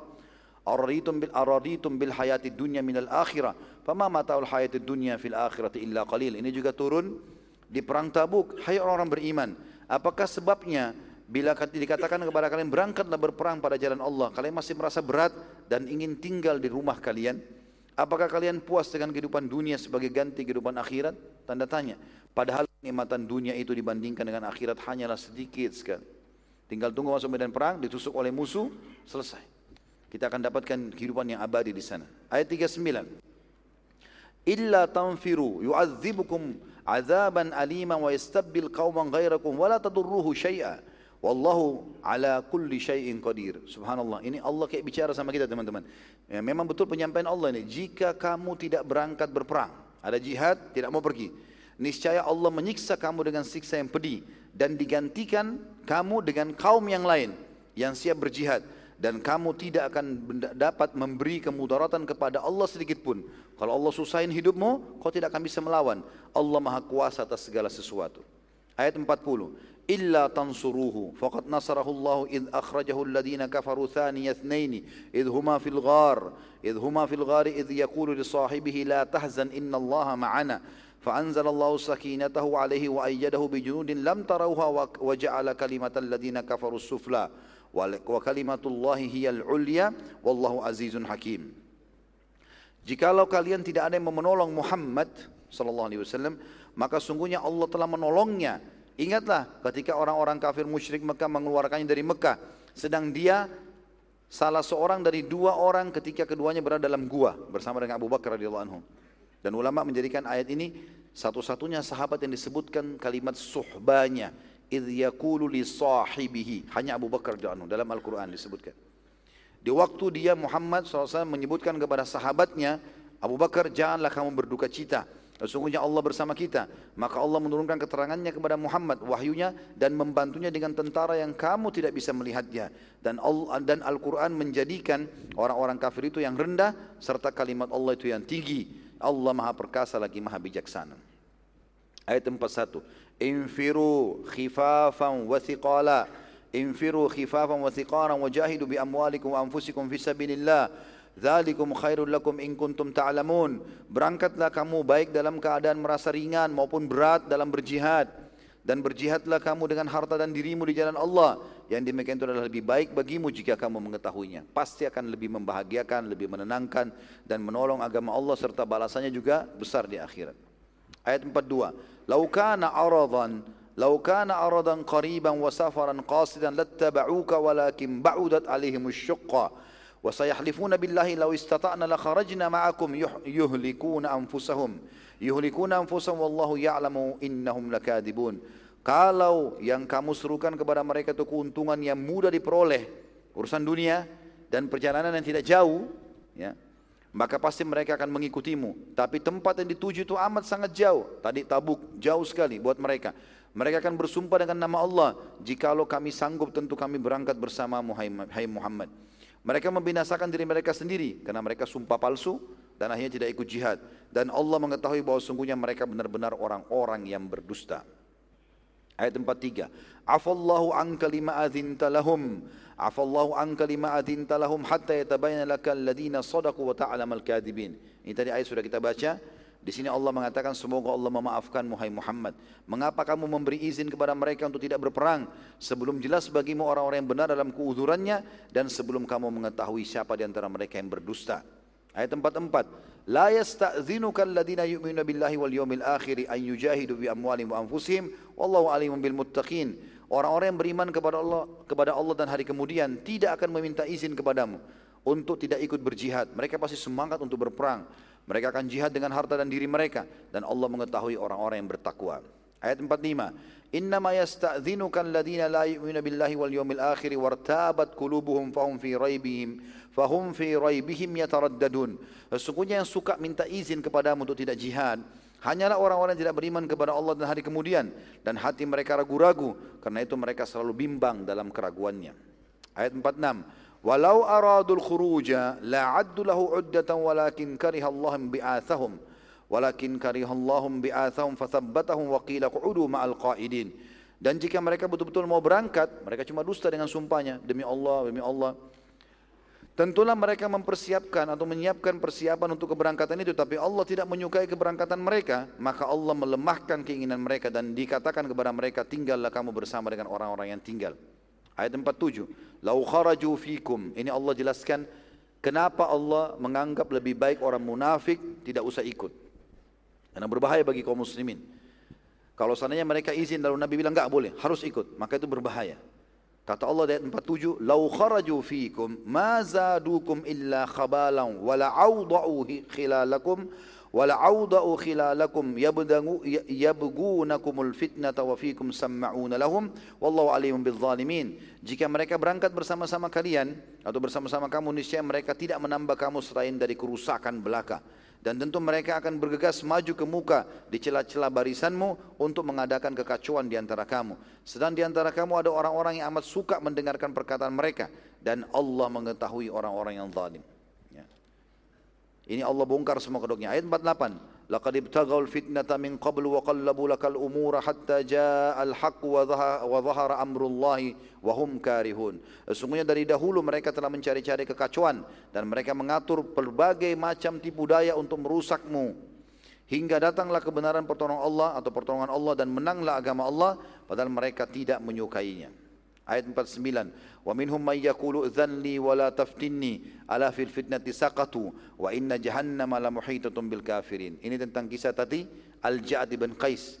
Dia bilang dan di antara mereka kata Allah ada yang mengatakan berilah aku izin tidak pergi berperang dan jangan kamu menjadikan aku terjerumus dalam fitnah. Fitnah wanita-wanita tadi Romawi ya. Ketahuilah bahwa mereka telah terjerumus dalam fitnah dan sungguhnya jahannam itu benar-benar meliputi orang-orang kafir. Ayat 50 in tusibka hasanatun tasuhum wa in tusibka musibatun yaqulu qad akhadna amrana min qablu wa yatawalla wa hum farihun. Ini Allah bongkar kedua orang-orang munafik. Kata Nabi kata Allah SWT kepada Nabi SAW jika kamu mendapat satu kebaikan maknanya kemenangan. Mereka tidak senang. Orang-orang munafik itu sakit hati jengkel. Kenapa umat Islam menang? Kenapa umat Islam berhasil? Dan jika kamu ditimpa sesuatu bencana maka mereka berkata kalau Kalah dalam peperangan, mereka bilang, sesungguhnya kami sebelumnya telah memperhatikan urusan kami. Maksudnya kami sudah tahu nih, akan kalah, makanya kami nggak ikut. Dan mereka berpaling dengan rasa gembira. Ayat 51. Qul lan yusibana illa ma kataballahu lana huwa maulana wa 'ala Allahi falyatawakkalul mu'minun. Katakanlah hai Muhammad kepada mereka, sekali-kali tidak akan menimpa kami melainkan apa yang telah ditetapkan Allah untuk kami. Menang atau kalah, Dialah pelindung kami dan hanya kepada Allah orang-orang beriman bertawakal. Ayat 52.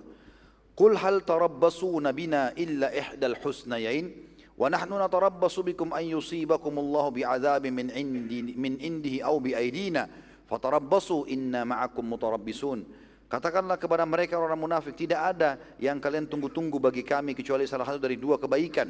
Maksudnya kami ini ikut perang kalau mati mati syahid kalau kalau tidak berarti menang. Apakah itu yang kalian tunggu dari kami itu memang yang kami kejar. Dan kami menunggu-nunggu bagi kalian, hai orang munafik, bahwa Allah akan menimpakan kepada kalian adab yang besar dari sisinya. Sebab itu tunggulah, sesungguhnya kami juga menunggu bersamamu. Tunggu ajal datang, hari kiamat datang, kalian akan lihat sendiri nanti hasilnya. Ayat 53-nya. Kul anfiku tau'an au qarhan lan yutaqabbala minkum innakum kuntum qauman fasikhin. Katakanlah hai Muhammad, nafkahkanlah hartamu, baik dengan sukarela ataupun dengan terpaksa, namun nafkah itu sekali-kali tidak akan diterima dari kamu, eh, sesungguhnya kamu adalah orang-orang yang fasik. Maksudnya orang munafik, mau banyak mau sedikit yang dikeluarkan tetap tidak ada manfaatnya. Ayat 54. Wa ma mana'ahum an tuqbala minhum nafakatuhum illa annahum kafaru billahi wa birasuli wa la ya'tuna as-salata illa wa hum kusala wa la ya'tuna as-salata illa wa hum kusala wa la yunfikuna illa wa hum karihun dan tidak ada yang menghalangi mereka untuk diterima dari mereka nafkah-nafkah mereka karena mereka coba mau berinfak Nabi SAW tolak Mulai sekarang tidak lagi munafik terlibat dalam masalah sedekah. Melainkan karena mereka telah kafir kepada Allah dan Rasulnya dan mereka tidak mengerjakan solat melainkan dengan malas dan tidak pula menafkahkan harta mereka melainkan melainkan dengan rasa enggan. Ayat lima limanya. Ini peringatan buat Nabi SAW, peringatan buat kita semua. Jangan terpengaruh karena oh titelnya, oh mobilnya, oh hartanya, jabatannya nggak usah terpengaruh. Kalau orang munafik ya tetap munafik. Fala tu'jibuka amwaluhum wala auladuhum. Innama yuridullahu liyu'adzibahum biha fil hayatid dunya wa tazhaka anfusuhum wa hum. Jangan pernah hai Muhammad harta benda dan anak-anak mereka menarik hatimu. Membuat kau kagum. Sesungguhnya Allah menghendaki dengan memberi harta benda dan anak-anak itu untuk menyiksa mereka dalam kehidupan dunia. Akan sulit, ya, kena penyakit berat, anak-anaknya nakal, mengganggu mereka dan kelak akan melayang nyawa mereka, akan dicabut ruhnya sedang mereka dalam keadaan kafir. Ayat 56-nya, wa billahi innahum laminkum wa ma hum minkum walakinnahum yafraqun. Dan mereka orang-orang munafik bersumpah dengan nama Allah bahwasanya sungguhnya mereka termasuk golonganmu, umat Islam, padahal mereka bukanlah dari golonganmu, akan tapi mereka adalah orang-orang yang sangat takut kepadamu. Jadi mereka jadi munafik selain mau memerangi Islam karena mereka takut kalau mereka terang-terangan kafir takut diperangi oleh kaum muslimin. Ya. Ayat 57-nya Lau yajiduna malja'an aw magaratin aw muddakhalan lawallau ilaihi wa hum yajmahun jika mereka memperoleh tempat perlindungan atau gua-gua atau lubang-lubang dalam tanah, niscaya mereka pergi kepadanya dengan secepat-cepatnya. Karena takutnya sama kalian kaum muslimin, mereka bisa sembunyi. Jadi mereka cuma tahu bicara dengan lisan. Ayat 58-nya, "Wa minhum may yalmizuka fis sadaqati fa in u'tu minha radu wa in lam yu'tu minha yaskhatun." Dan di antara mereka ada orang-orang yang mencelamu hai Muhammad tentang distribusi zakat, ya sedekah yang dikeluarkan. Jika mereka diberi sebagian daripadanya, mereka bersenang hati dan jika mereka tidak diberi sebagian daripadanya, serta, serta merta mereka marah. Ayat 59. Walau annahum radu ma atahumullah wa rasuluhu wa qalu hasbunallahu wa sayu'tina Allah min fadli wa. Sayu'tina Allah min fadli wa rasuli inna ila rabb ragibun. Jika saja mereka sungguh-sungguh ridho dengan apa yang diberikan Allah dan Rasulnya kepada mereka dan mereka berkata cukuplah Allah bagi kami. Allah akan memberikan sebagian dari karunia-Nya dan demikian pula Rasulnya. Sesungguhnya kami adalah orang-orang yang berharap kepada Allah. Tentulah demikian itu lebih baik bagi mereka. Artinya kalau mereka beriman. Lalu ayat terakhir ayat 60 dari surat Taubah ini ini tentu tentang orang-orang uh, yang penerima zakat ya Allah SWT turunkan mengatakan innamas sadaqatu lil fuqara'i wal masakini wal amilina 'alaiha wal mu'allafati qulubuhum wal mu'allafati qulubuhum fil riqabi wal gharimin wa fi sabilillahi wa ibnis sabil faridatan minallah wallahu alimun hakim. Sesungguhnya zakat-zakat itu hanyalah untuk orang-orang fakir.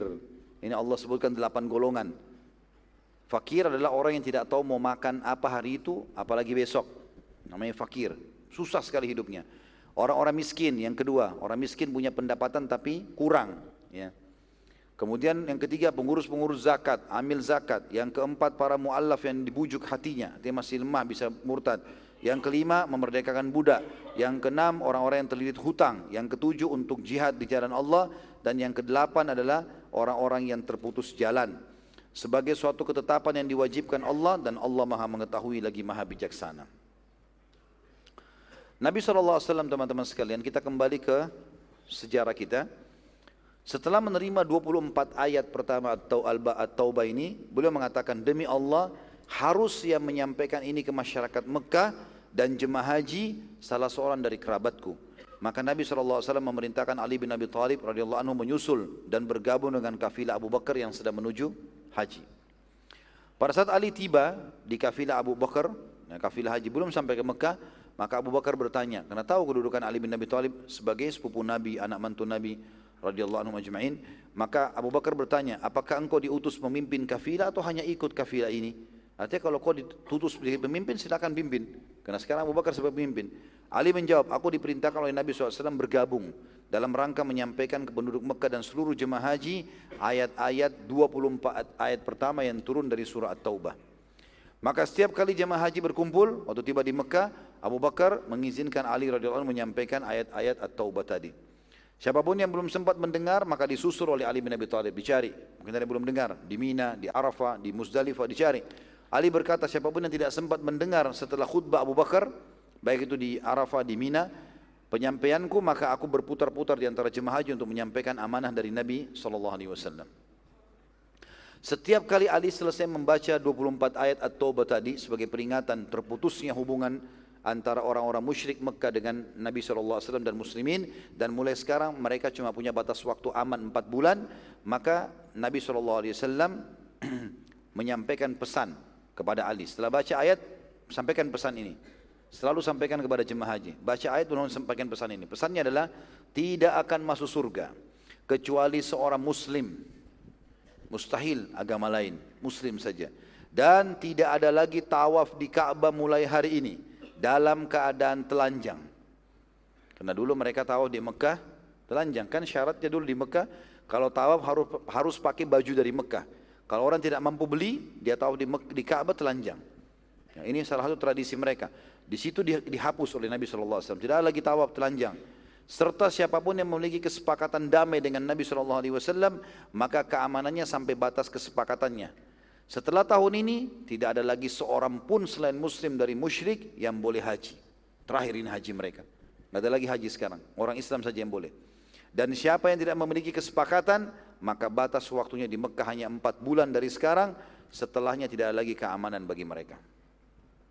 Dan ini tentu teman-teman sekalian inti daripada penyampaian ini, pembatalan akad Hudaybiyah. Dan ini pentingnya dalam Islam setiap muslim peduli dengan masalah akad. Jadi antum utang piutang, apa saja, akad. Ya, usahakan ada akad. Kalau tertulis jauh lebih baik. Ya, itu diambil dari kesepakatan Hudaybiyah. Dan kalau sudah tidak lagi berjalan, batalkan. Kita batalkan kesepakatan itu ya, dibatalkan. Sebagaimana Allah SWT membatalkan kesepakatan Hudaybiyah, walaupun mereka sudah berkhianat. Secara realita lapangan, mereka sudah berkhianat. Dan Nabi SAW sudah serang Mekah. Ya, itu secara otomatis sudah batal akadnya, tapi Allah tetap menyuruh Nabi SAW untuk menyampaikan pembatalan itu. Ya, disampaikan secara lisan.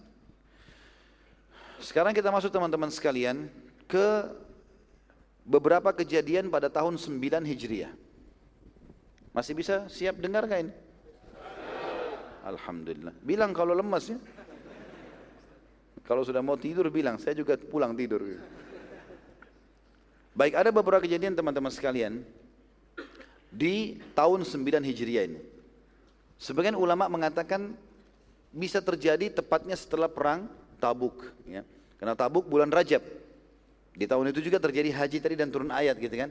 Nah, transisi antara Tabuk dan haji ini ada beberapa kejadian-kejadian. Yang pertama meninggalnya Ummu Kalthum radhiyallahu anha, anak Nabi sallallahu alaihi wasallam. Istri kedua dari uh, Uthman bin Affan dari anak Nabi sallallahu alaihi wasallam. Karena pertama Ruqayyah, dan Ruqayyah wafat, gitu kan. Waktu perang Badar, Ruqayyah sempat sakit, Gitu. Dan Utsman bin Affan tidak hadir karena Nabi SAW menyuruh menjaganya. Meninggal lalu kemudian menikah dengan Ummu Kalsum. Ummu Kalsum meninggal di terjadi di bulan Sya'ban. Kan tadi eh, perang Tabuk di bulan Rajab, ya. Satu bulan setelah itu Sya'ban, kayak kita sekarang ini Rajab.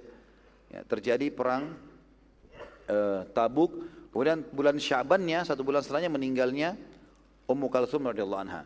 Yang kedua, datangnya para utusan-utusan suku Arab untuk masuk Islam setelah perang Tabuk ini. Kita akan ceritakan beberapa utusan-utusan ini dan ini cukup eh, bahasanya cukup dalam karena banyak sekali suku-suku yang masuk Islam dan ada juga yang akhirnya menjadi para pengkhianat setelah Nabi SAW meninggal. Kita mulai dengan suku Tamim. Ini suku yang pertama yang datang untuk mengikrarkan masuk Islam. Tapi mereka unik, mereka tidak datang langsung syahadat. Di dalam buku-buku sejarah dikatakan datang beberapa utusan Bani Tamim dari orang Badui. Yang terkenal di situ pimpinan mereka ada tiga yang disebutkan dalam buku sejarah. Utarid, ya, Utarid namanya, Utarid bin Hajib.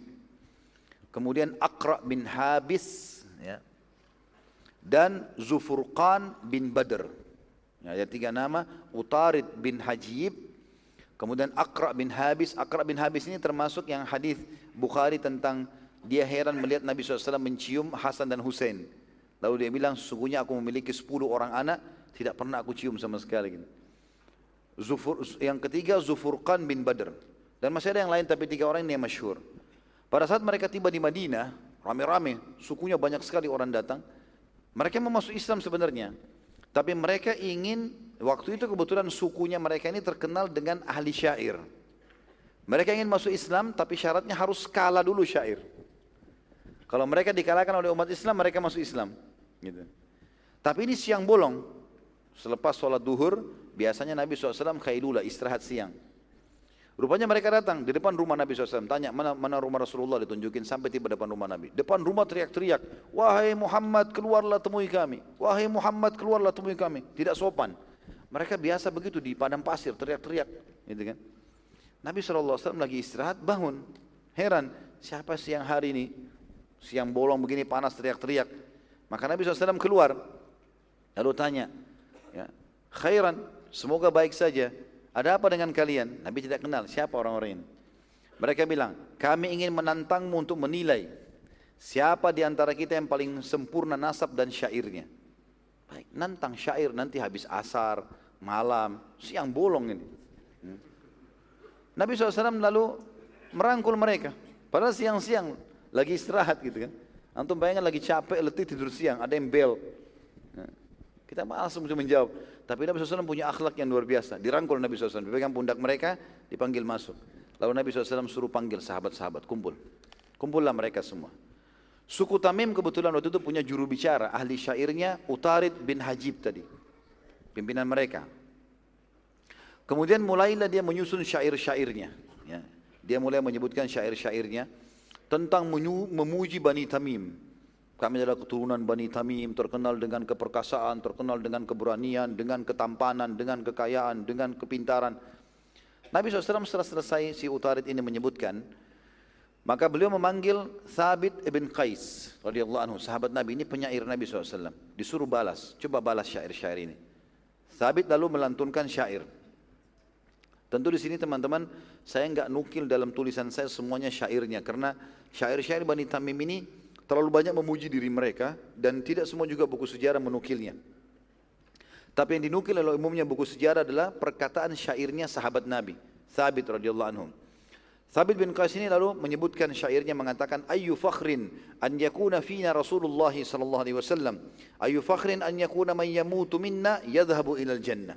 Ini syair. Maknanya Apalagi yang kami akan banggakan melebihi adanya Rasulullah SAW di sisi kami. Kalau kalian bangga dengan nasab kalian segala macam, kami bangga dengan adanya utusan Allah di sisi kami. Dan apalagi yang mau dibanggakan di atas seseorang di antara kami kalau mati bisa langsung masuk ke dalam surga karena menjadi seorang muslim. Gitu. Maka kalimat ini disusun dengan syair dan mereka mengetahui tentang bobot syair. Tentu sekarang sekarang saya nggak bacakan dengan metode syair ya. Kalau dengan metode syair itu dia akan punya retorika sendiri dan itu Orang-orang Badui sangat faham tentang masalah itu. Maka tiba-tiba urusan Bani Tamim mengatakan, sungguh syair kalian lebih baik daripada syair kami. Gitu kan. Lalu penyair dari suku Tamim yang kedua bernama Zufurqan bin Badr berdiri dan melakukan syair dan semuanya berisian pujian terhadap Bani Tamim. Nabi SAW menyuruh Hasan bin Thabit radhiyallahu anhu untuk membalas. Hasan bin Thabit mengucapkan syair-syair yang mengikuti metode Zufurqan. Zufurqan pakai diakhiri dengan nun Lalu uh, Hasan juga mengikuti akhir dengan nun. Tapi semua pujiannya adalah memuji kepada Rasulullah SAW, Islam dan juga surga. Maka akhirnya para utusan Bani Tamim setelah mendengarkan syair-syair semuanya, mereka mengatakan sungguh syair kalian jauh lebih baik daripada syair kami. Akhirnya mereka masuk Islam gara-gara itu. Ya. Jadi subhanallah ada orang begitu, retorika-retorika digunakan selama bukan pelanggaran agama, maka tentu saja ya dijawab kalau masih ingat dulu kasusnya juga ada yang menantang Nabi SAW bergulat di Mekah. Dengan syarat kalau Nabi menang maka dia masuk Islam. Nabi SAW terima tantangannya. Bukan pelanggaran agama gitu kan. Utusan Bani Tamim ini yang datang diceritakan oleh Allah Subhanahu wa taala dalam surah Al-Hujurat. Surah nomor 49, 5 ayat pertama, ayat 1 sampai ayat 5. A'udzu billahi minasyaitonir rajim. Ya ayyuhalladzina amanu la tuqaddimu baina yaday Allahi wa rasulih wattaqullaha innallaha sami'un alim. Hai orang-orang beriman, ya. Di sini Allah Subhanahu wa taala sudah memanggil mereka beriman karena setelah mereka kalah syair mereka masuk Islam. Janganlah kamu mendahului Allah dan Rasulnya dan berdak bertakwalah kepada Allah sungguhnya Allah mendengar lagi maha mengetahui artinya dalam masalah hukum dalam masalah apa pun memang Allah dan Rasulnya didahulukan Ayat duanya, Ya ayuhalladzina amanu, la tarfa'u aswatakum fawqa sautin nabi wa la tajharu lahu bil. Wa la tajharu lahu bil qawli ba'dikum li ba'din an tahbata a'malukum wa antum la tash'urun. Hai orang-orang beriman, Janganlah kamu meninggikan suaramu melebihi suara Nabi. Tadi mereka teriak-teriak, Hai Muhammad keluarlah, teriak-teriak. Dan jangan kamu berkata kepadanya dengan suara yang keras, sebagaimana kerasnya suara sebagian kalian terhadap sebagian yang lain. Tapi itu tujuannya agar jangan pahala kalian terhapus tanpa kalian sadari. Dan ini kata ulama ayat ini masih berlaku ya. Walaupun turun kepada utusan Bani Tamim tadi tapi ini berlaku siapa pun yang masuk ke masjid Nabi SAW di zaman sekarang nggak boleh teriak-teriak, nggak boleh ribut, menghormati Nabi SAW walaupun beliau sudah meninggal. Ini juga sebagian ulama mengatakan masuk dalamnya adalah kalau penyampaian hadis Nabi SAW sedang disampaikan tidak boleh diputus. Ya. Itu penyampainya. Imam Malik rahimahullah kalau menyampaikan hadis Nabi SAW beliau mandi, beliau pakai baju bersih. Ya waktu ditanya kenapa, dia mengatakan saya akan menyampaikan penyampaian Nabi SAW. Mengangkat suara aja nggak boleh, apalagi yang lainnya. Ayat tiganya, Innal ladina yaghuduna aswatahum inda Rasulillahi ulaika ladina imtahana Allah qulubahum littaqwa lahum maghfiratun wa ajrun azim. Sesungguhnya orang-orang yang merendahkan suaranya, merendahkan suaranya di sisi Rasulullah SAW, mereka itulah orang-orang yang telah diuji hati mereka oleh Allah dengan ketakwaan. Maksudnya Allah SWT akan masukkan iman dan ketakwaan dalam hatinya. Bagi mereka ampunan dan pahala yang besar. Ayat empatnya, Innal ladina yunaduna kami wara'il hujurati aktharuhum la yaqilun. Sesungguhnya orang-orang yang memanggil-manggilmu dari luar kamarmu, luar rumahmu, kebanyakan mereka orang yang tidak mengerti. Ayat limanya, walau annahum sabaru hatta takhruja ilaihim lakana khairan lahum wallahu ghafurur rahim. Andai saja mereka bersabar sampai kau keluar, panggil sekali saja Rasulullah sudah dengar sallallahu alaihi wasallam. Andai saja mereka sabar sampai kau keluar menemui mereka sungguhnya itu lebih baik bagi mereka dan Allah Maha Pengampun lagi Maha Penyayang. Itu utusan yang pertama suku Tamim. Yang kedua, suku Hanifah. Suku Hanifah adalah suku yang besar dan memiliki anggota sekitar 100 ribu orang. Mereka semua siap masuk Islam. Satu suku semua siap masuk Islam. Dan mereka mengutus para pemuka mereka untuk masuk Islam terlebih dahulu di Madinah. Nanti pulang baru mereka ikuti masuk Islam pimpinan mereka. Di antara utusan mereka, pimpinan mereka adalah seseorang yang bernama Musailama Al-Kadzab. Musailama. Nanti dapat julukan Al-Kadzab ini. Di awalnya dia datang ke Madinah, utusan kaumnya untuk syahadat. Itu. Yang nanti Nabi SAW berikan julukan Al-Kadzab karena dia mengaku sebagai Nabi palsu. Dia dari suku Hanifah. Semua utusan suku Hanifah mengikrarkan syahadat kecuali Maisal, Musa, Musailamah. Jadi semua utusan-utusan pimpinan syahadat semua kecuali dia. Dia enggak mau syahadat. Salah seorang dari mereka berkata, Wahai utusan Allah, sungguh kami semua sudah masuk Islam. Kecuali satu orang pemuka kami yang bernama Musailamah yang sedang menjaga barang-barang kami di luar tembok Madinah ini. Dia tidak mau masuk. Tidak mau ikut syahadat. Nabi SAW berkata, selama ia mau menjaga barang-barang kalian berarti dia bukan orang buruk. Sebagian suku Hanifah menemui Musailamah dan menyampaikan pernyataan Nabi SAW. Musailamah lalu Musailamah lalu Musailamah lalu menunggangi statement itu. Memang dia tadi ini, ini jadi orang buruk nanti. Ya, dia akan menjadi pemberontak, artinya dia akan menjadi orang yang mengaku sebagai nabi palsu. Lalu dia mengatakan pada kaumnya, lihat Muhammad aja memujiku. Ya, padahal Nabi SAW maksudnya mau menarik dia supaya masuk ke Madinah untuk syahadat. Seluruh utusan suku Hanifah lalu bergabung di masjid termasuk Musailamah. Akhirnya dia masuk ke Madinah, masuk ke dalam masjid. Yang saat itu Musailamah sedang sandar di tembok masjid, tepatnya belakang tembok itu rumah Nabi SAW. Dan Nabi dengar apa yang dibicarakan di masjid. Lalu kemudian ya, anggota sukunya bertanya kepada Musailamah, kenapa engkau tidak ingin masuk Islam? Kenapa engkau belum mau masuk Islam? Gitu. Kenapa engkau tidak mau masuk Islam? Maka ia menjawab dengan jawaban yang aneh. Dia bilang, bila Muhammad akan menjadikanku sebagai penggantinya saat ia meninggal, maka aku akan masuk Islam. Jadi kalau ada jaminan, kalau dia mati duluan, Nabi Muhammad mati dengan tidak sopan mengatakan Muhammad wasallam. Dia mengatakan kalau Muhammad mati duluan dan dia tunjuk aku sebagai pemimpin, aku akan masuk Islam. Nabi SAW waktu itu dengar dari belakang tembok dinding rumah beliau, langsung memasuki masjid. Lalu kemudian beliau memegang sepotong kayu kecil dan menghadapkan kayu itu ke arah Musailamah sambil berkata, Demi Allah, kalau engkau meminta potongan kayu ini dariku, tidak akan aku berikan. Apalagi menggantikanku sebagai pemimpin muslimin. Ya. Bila engkau tetap memaksakan kemauanmu, keinginanmu, maka pasti Allah akan membinasakanmu. Demi Allah, aku yakin, aku sangat yakin kata Nabi SAW, engkau pendusta yang telah Allah perlihatkan kepadaku dalam mimpiku. Jadi ini terang-terangan Nabi SAW membongkar kedoknya. Subhanallah. Setelah kejadian perang tabuk ini, nggak ada lagi yang tersembunyi.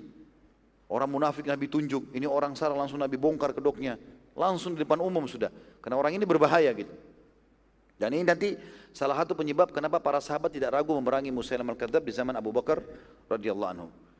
Setelah para utusan suku Tamim pergi dan Musailamah tidak mau masuk Islam, dia pergi meninggalkan masjid, maka para sahabat bersegera menemui Nabi SAW dan bertanya, Wahai utusan Allah, apa yang anda maksudkan dengan pernyataan anda bahwasanya anda melihat orang itu dalam mimpi anda sebagai pendusta?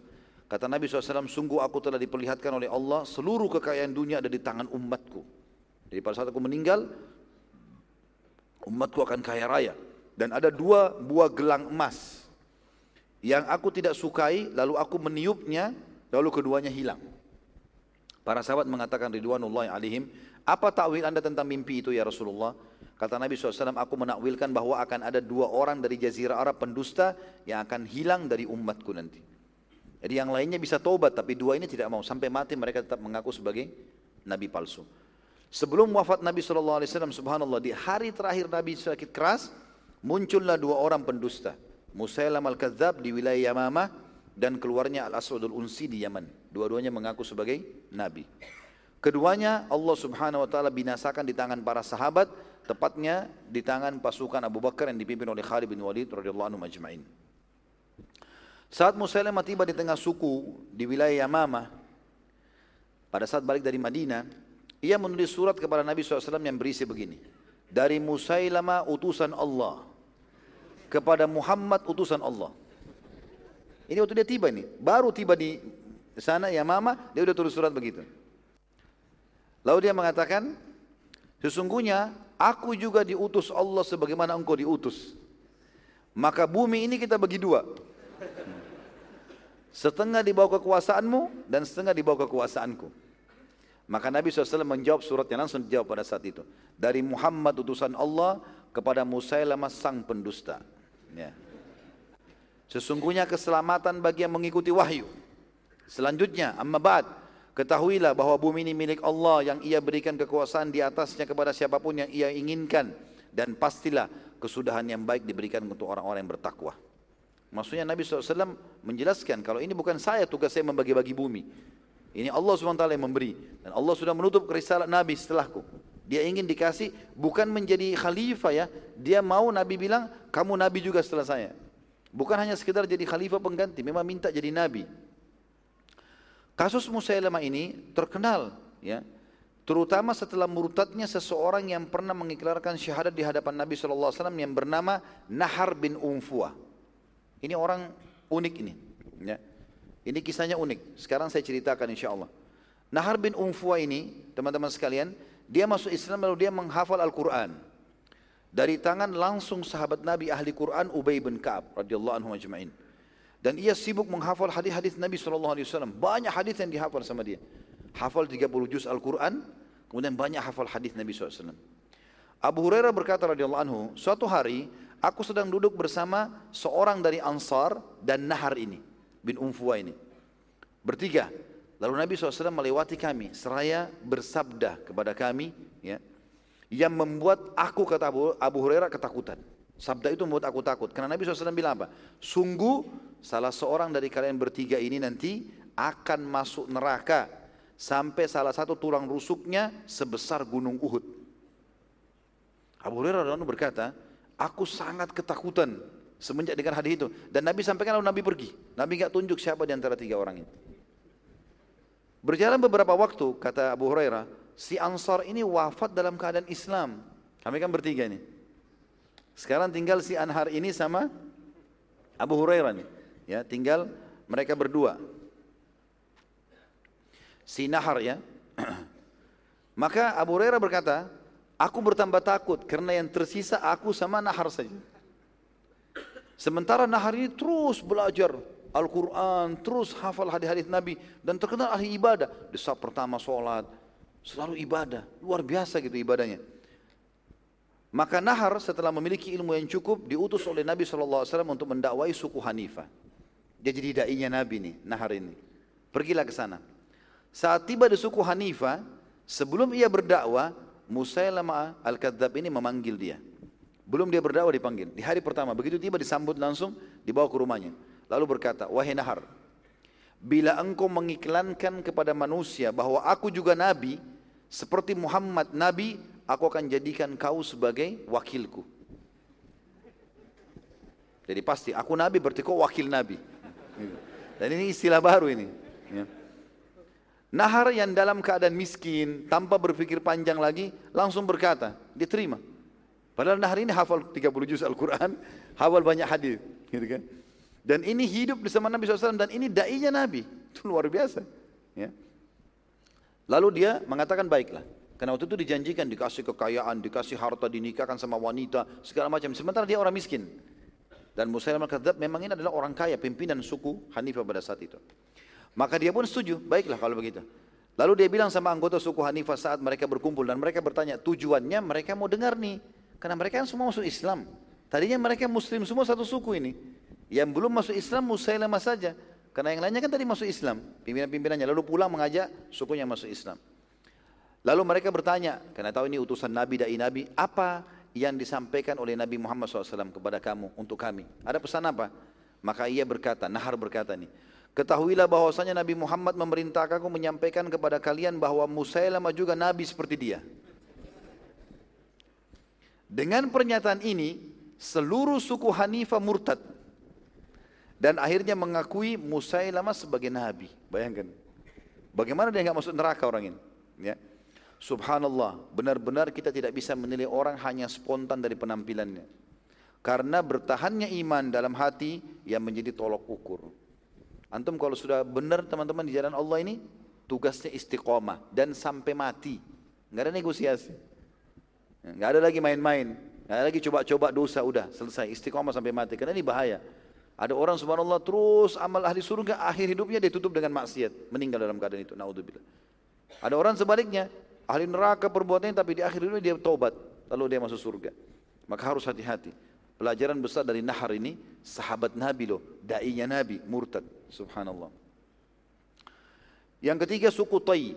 Nabi SAW mengirim juga pasukan menyerang wilayah Tai pada saat itu. Adi bin Hatim, pemimpin suku Tai, menyampaikan kepada beberapa pendeta yang tinggal di gereja, ini orang-orang Nasrani mereka, tapi turunan Arab.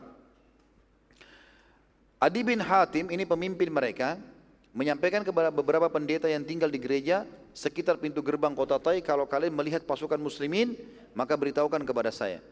Pada saat mereka melihat bendera kaum muslimin, maka pendeta-pendeta tidak ngerti kenapa Adi bin Hatim minta disampaikan. Maka disampaikanlah ternyata Adi melarikan diri ke negeri Syam bersama anak-anak dan istrinya. Sementara sukunya semua ditinggalkan sama dia.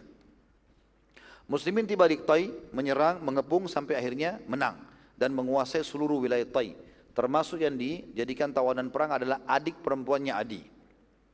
Semua tawanan diikat di masjid di Madinah pada saat itu dan mereka dibiasakan oleh Nabi SAW semua tawanan untuk dengarkan ayat Quran, lihat muslimin sholat gitu kan. Pada saat Nabi SAW melewati tawanan dan ini tradisi Nabi SAW habis sholat melewati mereka, tawarkan Islam, suruh berikan makanan, ada yang luka diobati. Maka adik perempuannya Adi menegur Nabi SAW sambil berkata, Wahai Muhammad, aku adalah fulana, anak pemimpin kaumku. Ayahku telah wafat dan kakakku ya sebagai pengganti telah melarikan diri. Nabi SAW lalu berkata, siapa yang kau maksudkan melarikan diri? Kata si perempuan tadi, Adi kakakku, Adi bin Hatim. Nabi SAW bersabda, Adi bin Hatim yang telah lari meninggalkan Allah dan Rasulnya. Jadi dia gara-gara takut masuk Islam akhirnya dia lari. Wanita tersebut terdiam. Hal itu hal serupa terjadi sampai tiga hari berturut-turut. Lalu Nabi SAW berkata, kalau engkau kalau engkau kami bebaskan, silakan, tidak apa-apa, pergilah.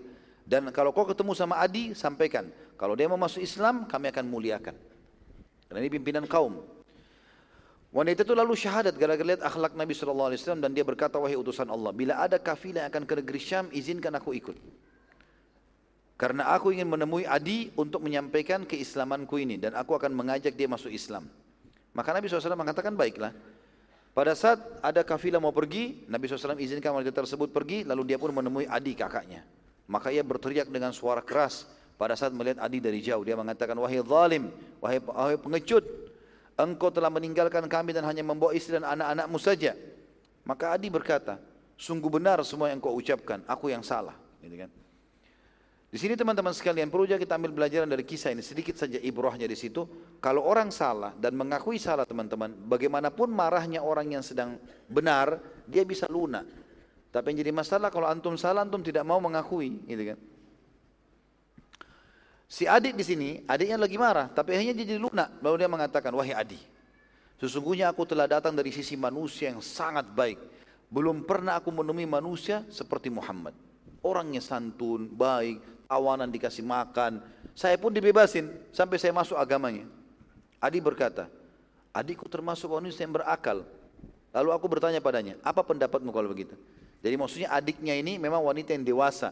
Biasa diajak musyawarah sama adik. Lalu adik bilang, adikku ini berakal, kok bisa dia syahadat? Saya mau tanya, apa pendapatmu sekarang? Apa saranmu? Kata adiknya, Muhammad hanya satu dari dua keadaan. Kalau bukan nabi maka raja, nggak ada yang lain. Bila Nabi, maka demi Allah kemuliaan mana yang bisa mengalahkan engkau menjadi sahabatnya. Bila ia raja, maka demi Allah aku mendapatinya manusia yang sangat dermawan. Maka tidak ada kebaikan yang akan terharamkan untukmu. Kau akan dapat semuanya. Adi berkata, demi Allah, ini benar-benar pendapat yang sangat bijak. Maka dia pun akhirnya ikut bersama adiknya menuju ke kota Madinah. Waktu Nabi SAW melihatnya, Nabi SAW menyambutnya dengan gembira.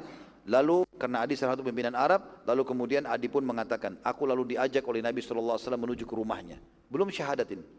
Aku berkata dalam diriku, aku ingin menilai apakah Muhammad Nabi atau Raja. Saat sedang berjalan menuju ke rumah Nabi SAW, tiba-tiba di tepi jalan terdapat seorang wanita tua yang menahan tangan Nabi SAW.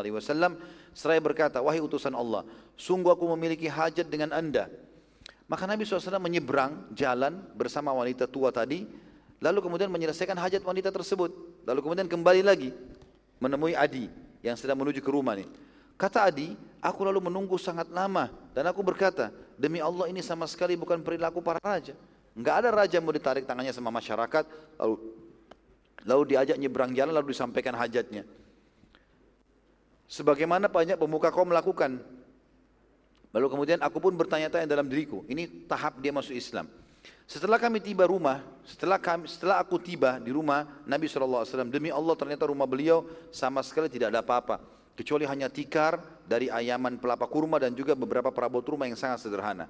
Ini pasti juga bukan rumah raja, tapi ini rumah Nabi. Kalau raja pasti istana yang besar. Saat akan duduk, Nabi SAW menyerahkan tikar kepadaku. Tikar cuma satu. Nabi SAW kasih tikar kepada dia. Lalu berkata, duduklah di atasnya. Aku lalu berkata, anda saja yang duduki. Kata Nabi SAW, engkau saja yang duduki. Terus saja Nabi SAW memaksakannya padaku sampai akhirnya aku mendudukinya. Dan Nabi SAW duduk di atas tanah tanpa pelapis. Maka aku berkata, demi Allah ini sama sekali bukan perilaku para raja. Tapi jelas dia seorang Nabi. Adi lalu melanjutkan cerita masuk Islam. Dia mengatakan, lalu Nabi SAW menyampaikan sesuatu yang membuatku kaget. Ia mengatakan, wahai Adi, bukankah engkau penganut agama Rakusia? Perlu kita garis bawahi, agama Rakusia ini dalam bahasa Arab ya, bukan bahasa Indonesia, bahasa Indonesia rakus gitu. Ya. Ini agama Rakusia ini ada istilah dulu transisi antara agama orang Yahudi dan orang Nasrani. Ada agama di tengah-tengah dinamakan Rakusia. Itu setelah Nasrani ada, nggak ada lagi orang yang mau ikutin sebenarnya. Dan Adi ini rupanya dia berkedok Nasrani tapi dia beragama Rakusia itu. Dan Adi bingung karena tidak ada satu orang pun termasuk istrinya yang tahu kalau dia beragama Rakusia.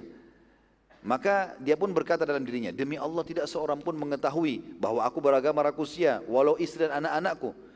Mereka hanya mengetahui aku adalah beragama Nasrani. Adi, Adi lalu menjawab, iya benar, aku Rakusi. Ya. Nabi SAW lalu tanya lagi, bukankah engkau menerapkan pajak mirba namanya pada kaummu yang menjawab iya benar jadi setiap kaumnya dikenain pajak ini pajak itu. Itu Adi yang terapkan karena dalam agama Rakusia dia dia membawa agama Rakusia. Padahal Nabi SAW tahu di agama itu nggak ada sama sekali pajak. Nabi SAW mengatakan bukankah dalam agamamu itu ya Rakusia tidak boleh ada pajak dan hukumnya haram? Maka Adi tiba-tiba syahadat. Asyhadu an la anna muhammad rasulullah. Ya. Karena Adi heran, agama Rakusia ini tidak ada lagi pengikutnya kecuali sedikit sekali. Dan dia termasuk salah satunya. Kurang lebih kalau di situ kalau tidak salah dikatakan sisa ada lima atau tujuh orang penganutnya saja. Maka dia pun syahadat gara-gara itu. Saat sholat setelah tiba, Nabi SAW mengajak Adi ikut sholat. Karena sudah syahadat, ayo ikut sholat. Nabi SAW sengaja dalam sholat membaca surah At-Taubah ayat 31. Ini yang Nabi baca dalam sholat sengaja karena tahu Adi ini seorang pendeta yang memahami agamanya gitu. A'udzu billahi minasyaitonir rajim At-Taubah 31 ittakhadhu ahbarahum wa ruhbanam arbaban min dunillah. Ittakhadhu ahbarahum wa ittakhadhu ahbarahum wa ruhbanam arbaban min dunillahi wal masih ibn maryam wa ma umiru illa liya'budu ilahan wahida. La ilaha illahu subhanahu amma yusyrikun mereka menjadikan orang-orang alim dan rahib-rahib mereka sebagai Tuhan selain Allah. Dan juga mereka mempertuhankan Al-Masih putra Maryam padahal mereka hanya disuruh menyembah Tuhan yang esa tidak ada Tuhan yang berhak disembah selain Dia Maha suci Allah dari apa yang mereka persekutukan Selesai sholat Adi ngerti ayat ini yang sedang dibaca di maghrib di malam hari Adi lalu berkata kepada Nabi SAW Wahai utusan Allah kami tidak pernah dalam agama kami, ya, Nasrani atau Rakusia ini, menjadikan para pendeta sebagai Tuhan selain Allah. Tapi kami mentuhankan Isa alaihissalam iya. Tapi pendeta tidak. Nabi SAW menjawab, bukankah mereka menghalalkan para pendeta itu? Apa yang telah Allah haramkan, maka kalian juga ikut menghalalkannya? Mereka menghalalkan apa yang telah haram untuk kalian, kalian membayar sesuatu, maka akhirnya kalian pun menghalalkan apa yang Allah haramkan. Dan bukankah mereka mengharamkan yang telah dihalalkan oleh Allah dan kalian ikut juga menghalalkannya? Maka Adi mengatakan benar wahai utusan Allah. Kata Nabi SAW itulah ibadah kalian kepada para pendeta. Ya. Nabi SAW pada saat itu ingin mengajarkan kepada Adi dan para sahabat serta umatnya bahwa menerapkan hukum selain hukum Allah dengan meyakini lebih baik daripada hukum Allah itu saja sudah cukup sampai kepada kekufuran. Kalau ada orang menghalalkan, Allah bilang halal, dia bilang haram. Allah bilang haram, dia bilang halal. Maka itu sudah cukup sampai pada kekufuran. Nabi SAW lalu berkata, Wahai Adi, mungkin salah satu yang menghalangimu menganut Islam karena engkau melihat banyaknya kaum muslimin dalam keadaan miskin. Nabi SAW ingin mengarik lagi hatinya Adi setelah syahadat. Selain ayat ini, mungkin kau sekarang kemarin-kemarin tidak mau masuk Islam karena kau lihat banyak umat Islam miskin. Sementara kau kan orang kaya. Dia orang kaya, pemimpin kaumnya. Kata Nabi SAW, demi Allah wahai Adi, akan terbuka pintu kekayaan untuk muslimin sampai mereka keluar membawa zakat emas mereka. Ya. Dan mereka tidak menemukan orang-orang yang mau menerimanya. Nabi SAW bersabda, wahai Adi, mungkin salah, salah satu yang membuatmu ragu juga dalam menerima Islam adalah seringnya kamu melihat muslimin dalam peperangan. Selalu muslim perang, perang, perang di zaman ini. Demi Allah wahai Adi, akan datang zaman di mana seseorang wanita muslimah melakukan perjalanan dari Qadisiyah ke rumah Allah. Ya. Qadisiyah jauh, ya. itu di wilayah Persia, Irak. Itu menuju ke Ka'bah, perempuan jalan sendirian tanpa pendamping dalam keadaan aman. Gak ada lagi peperangan nanti. Umat Islam lebih banyak aman. Gitu kan. Ya seperti kita rasakan Alhamdulillah sekarang di beberapa titik peperangan, tapi yang lainnya sudah tidak ada aman. Nabi SAW lalu berkata, wahai Adi, Mungkin salah satu yang menghalangi masuk Islam juga karena engkau melihat rumah kaum muslimin terdiri dari gubuk karena miskin. Demi Allah wahai Adi, akan terbuka pintu kekayaan untuk muslimin sampai di tangan mereka seluruh istana kota Babilonia. Maka Adi pun berkata setelah meninggalnya Nabi SAW imannya dia sudah kokoh, dia ikut dalam peperangan-peperangan di zaman Abu Bakar, di zaman Umar. Tepatnya waktu menuju ke Persia, Adi bin Hatim ini ikut dan bahkan jadi pemimpin perang. Maka kata Nabi kata Adi demi Allah, aku Allah telah memanjangkan umurku dan aku sampai melihat dengan mata kepalaku sendiri bagaimana istana-istana kota Babylon di tangan muslimin. Dan aku juga melihat sendiri dengan mata kepalaku perempuan berangkat sendirian dari Qadisiyah Irak menuju ke Mekah dalam keadaan aman. Dan demi Allah, Adi berkata, yang ketiga, andai saja aku hidup, pasti aku akan mendapatinya. Tapi ternyata dia meninggal sebelum mendapatkan yang ketiga itu. Jadi ini kisah tentang suku Adi tadi ya. Jam berapa ini masih bisa nggak? Sampai jam 9 ya?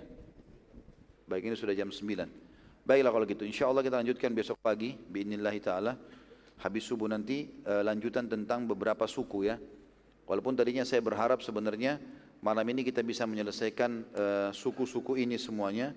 Karena kita masih harus masuk ke masalah haji wadaknya Nabi Sallallahu Alaihi Wasallam kemudian prosesi-prosesi sebelum itu lalu setelah itu lalu kemudian kematian Nabi SAW ini semuanya seharusnya bisa diselesaikan karena kalaupun tidak diselesaikan maka dikhawatirkan bulan-bulan akan datang juga akan sangat sedikit bahasan yang dibahas pada sirah ini. Dan saya rencana insya Allah mau menyelesaikan. Mudah-mudahan Allah mudahkan. Bismillah.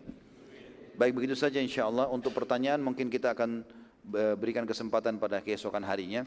Mudah-mudahan nanti ada waktu. Hmm? Begitu saja mudah-mudahan bermanfaat dan sampai ketemu besok insyaAllah. Mudah-mudahan Allah mudahkan kita semua bisa menghadiri dan menyelesaikan materi sirah ini. Subhanakallahumma bihamdika. Asyadu an la ilaha illa anta astagfiruka wa atubu ilaik. Wassalamualaikum warahmatullahi wabarakatuh.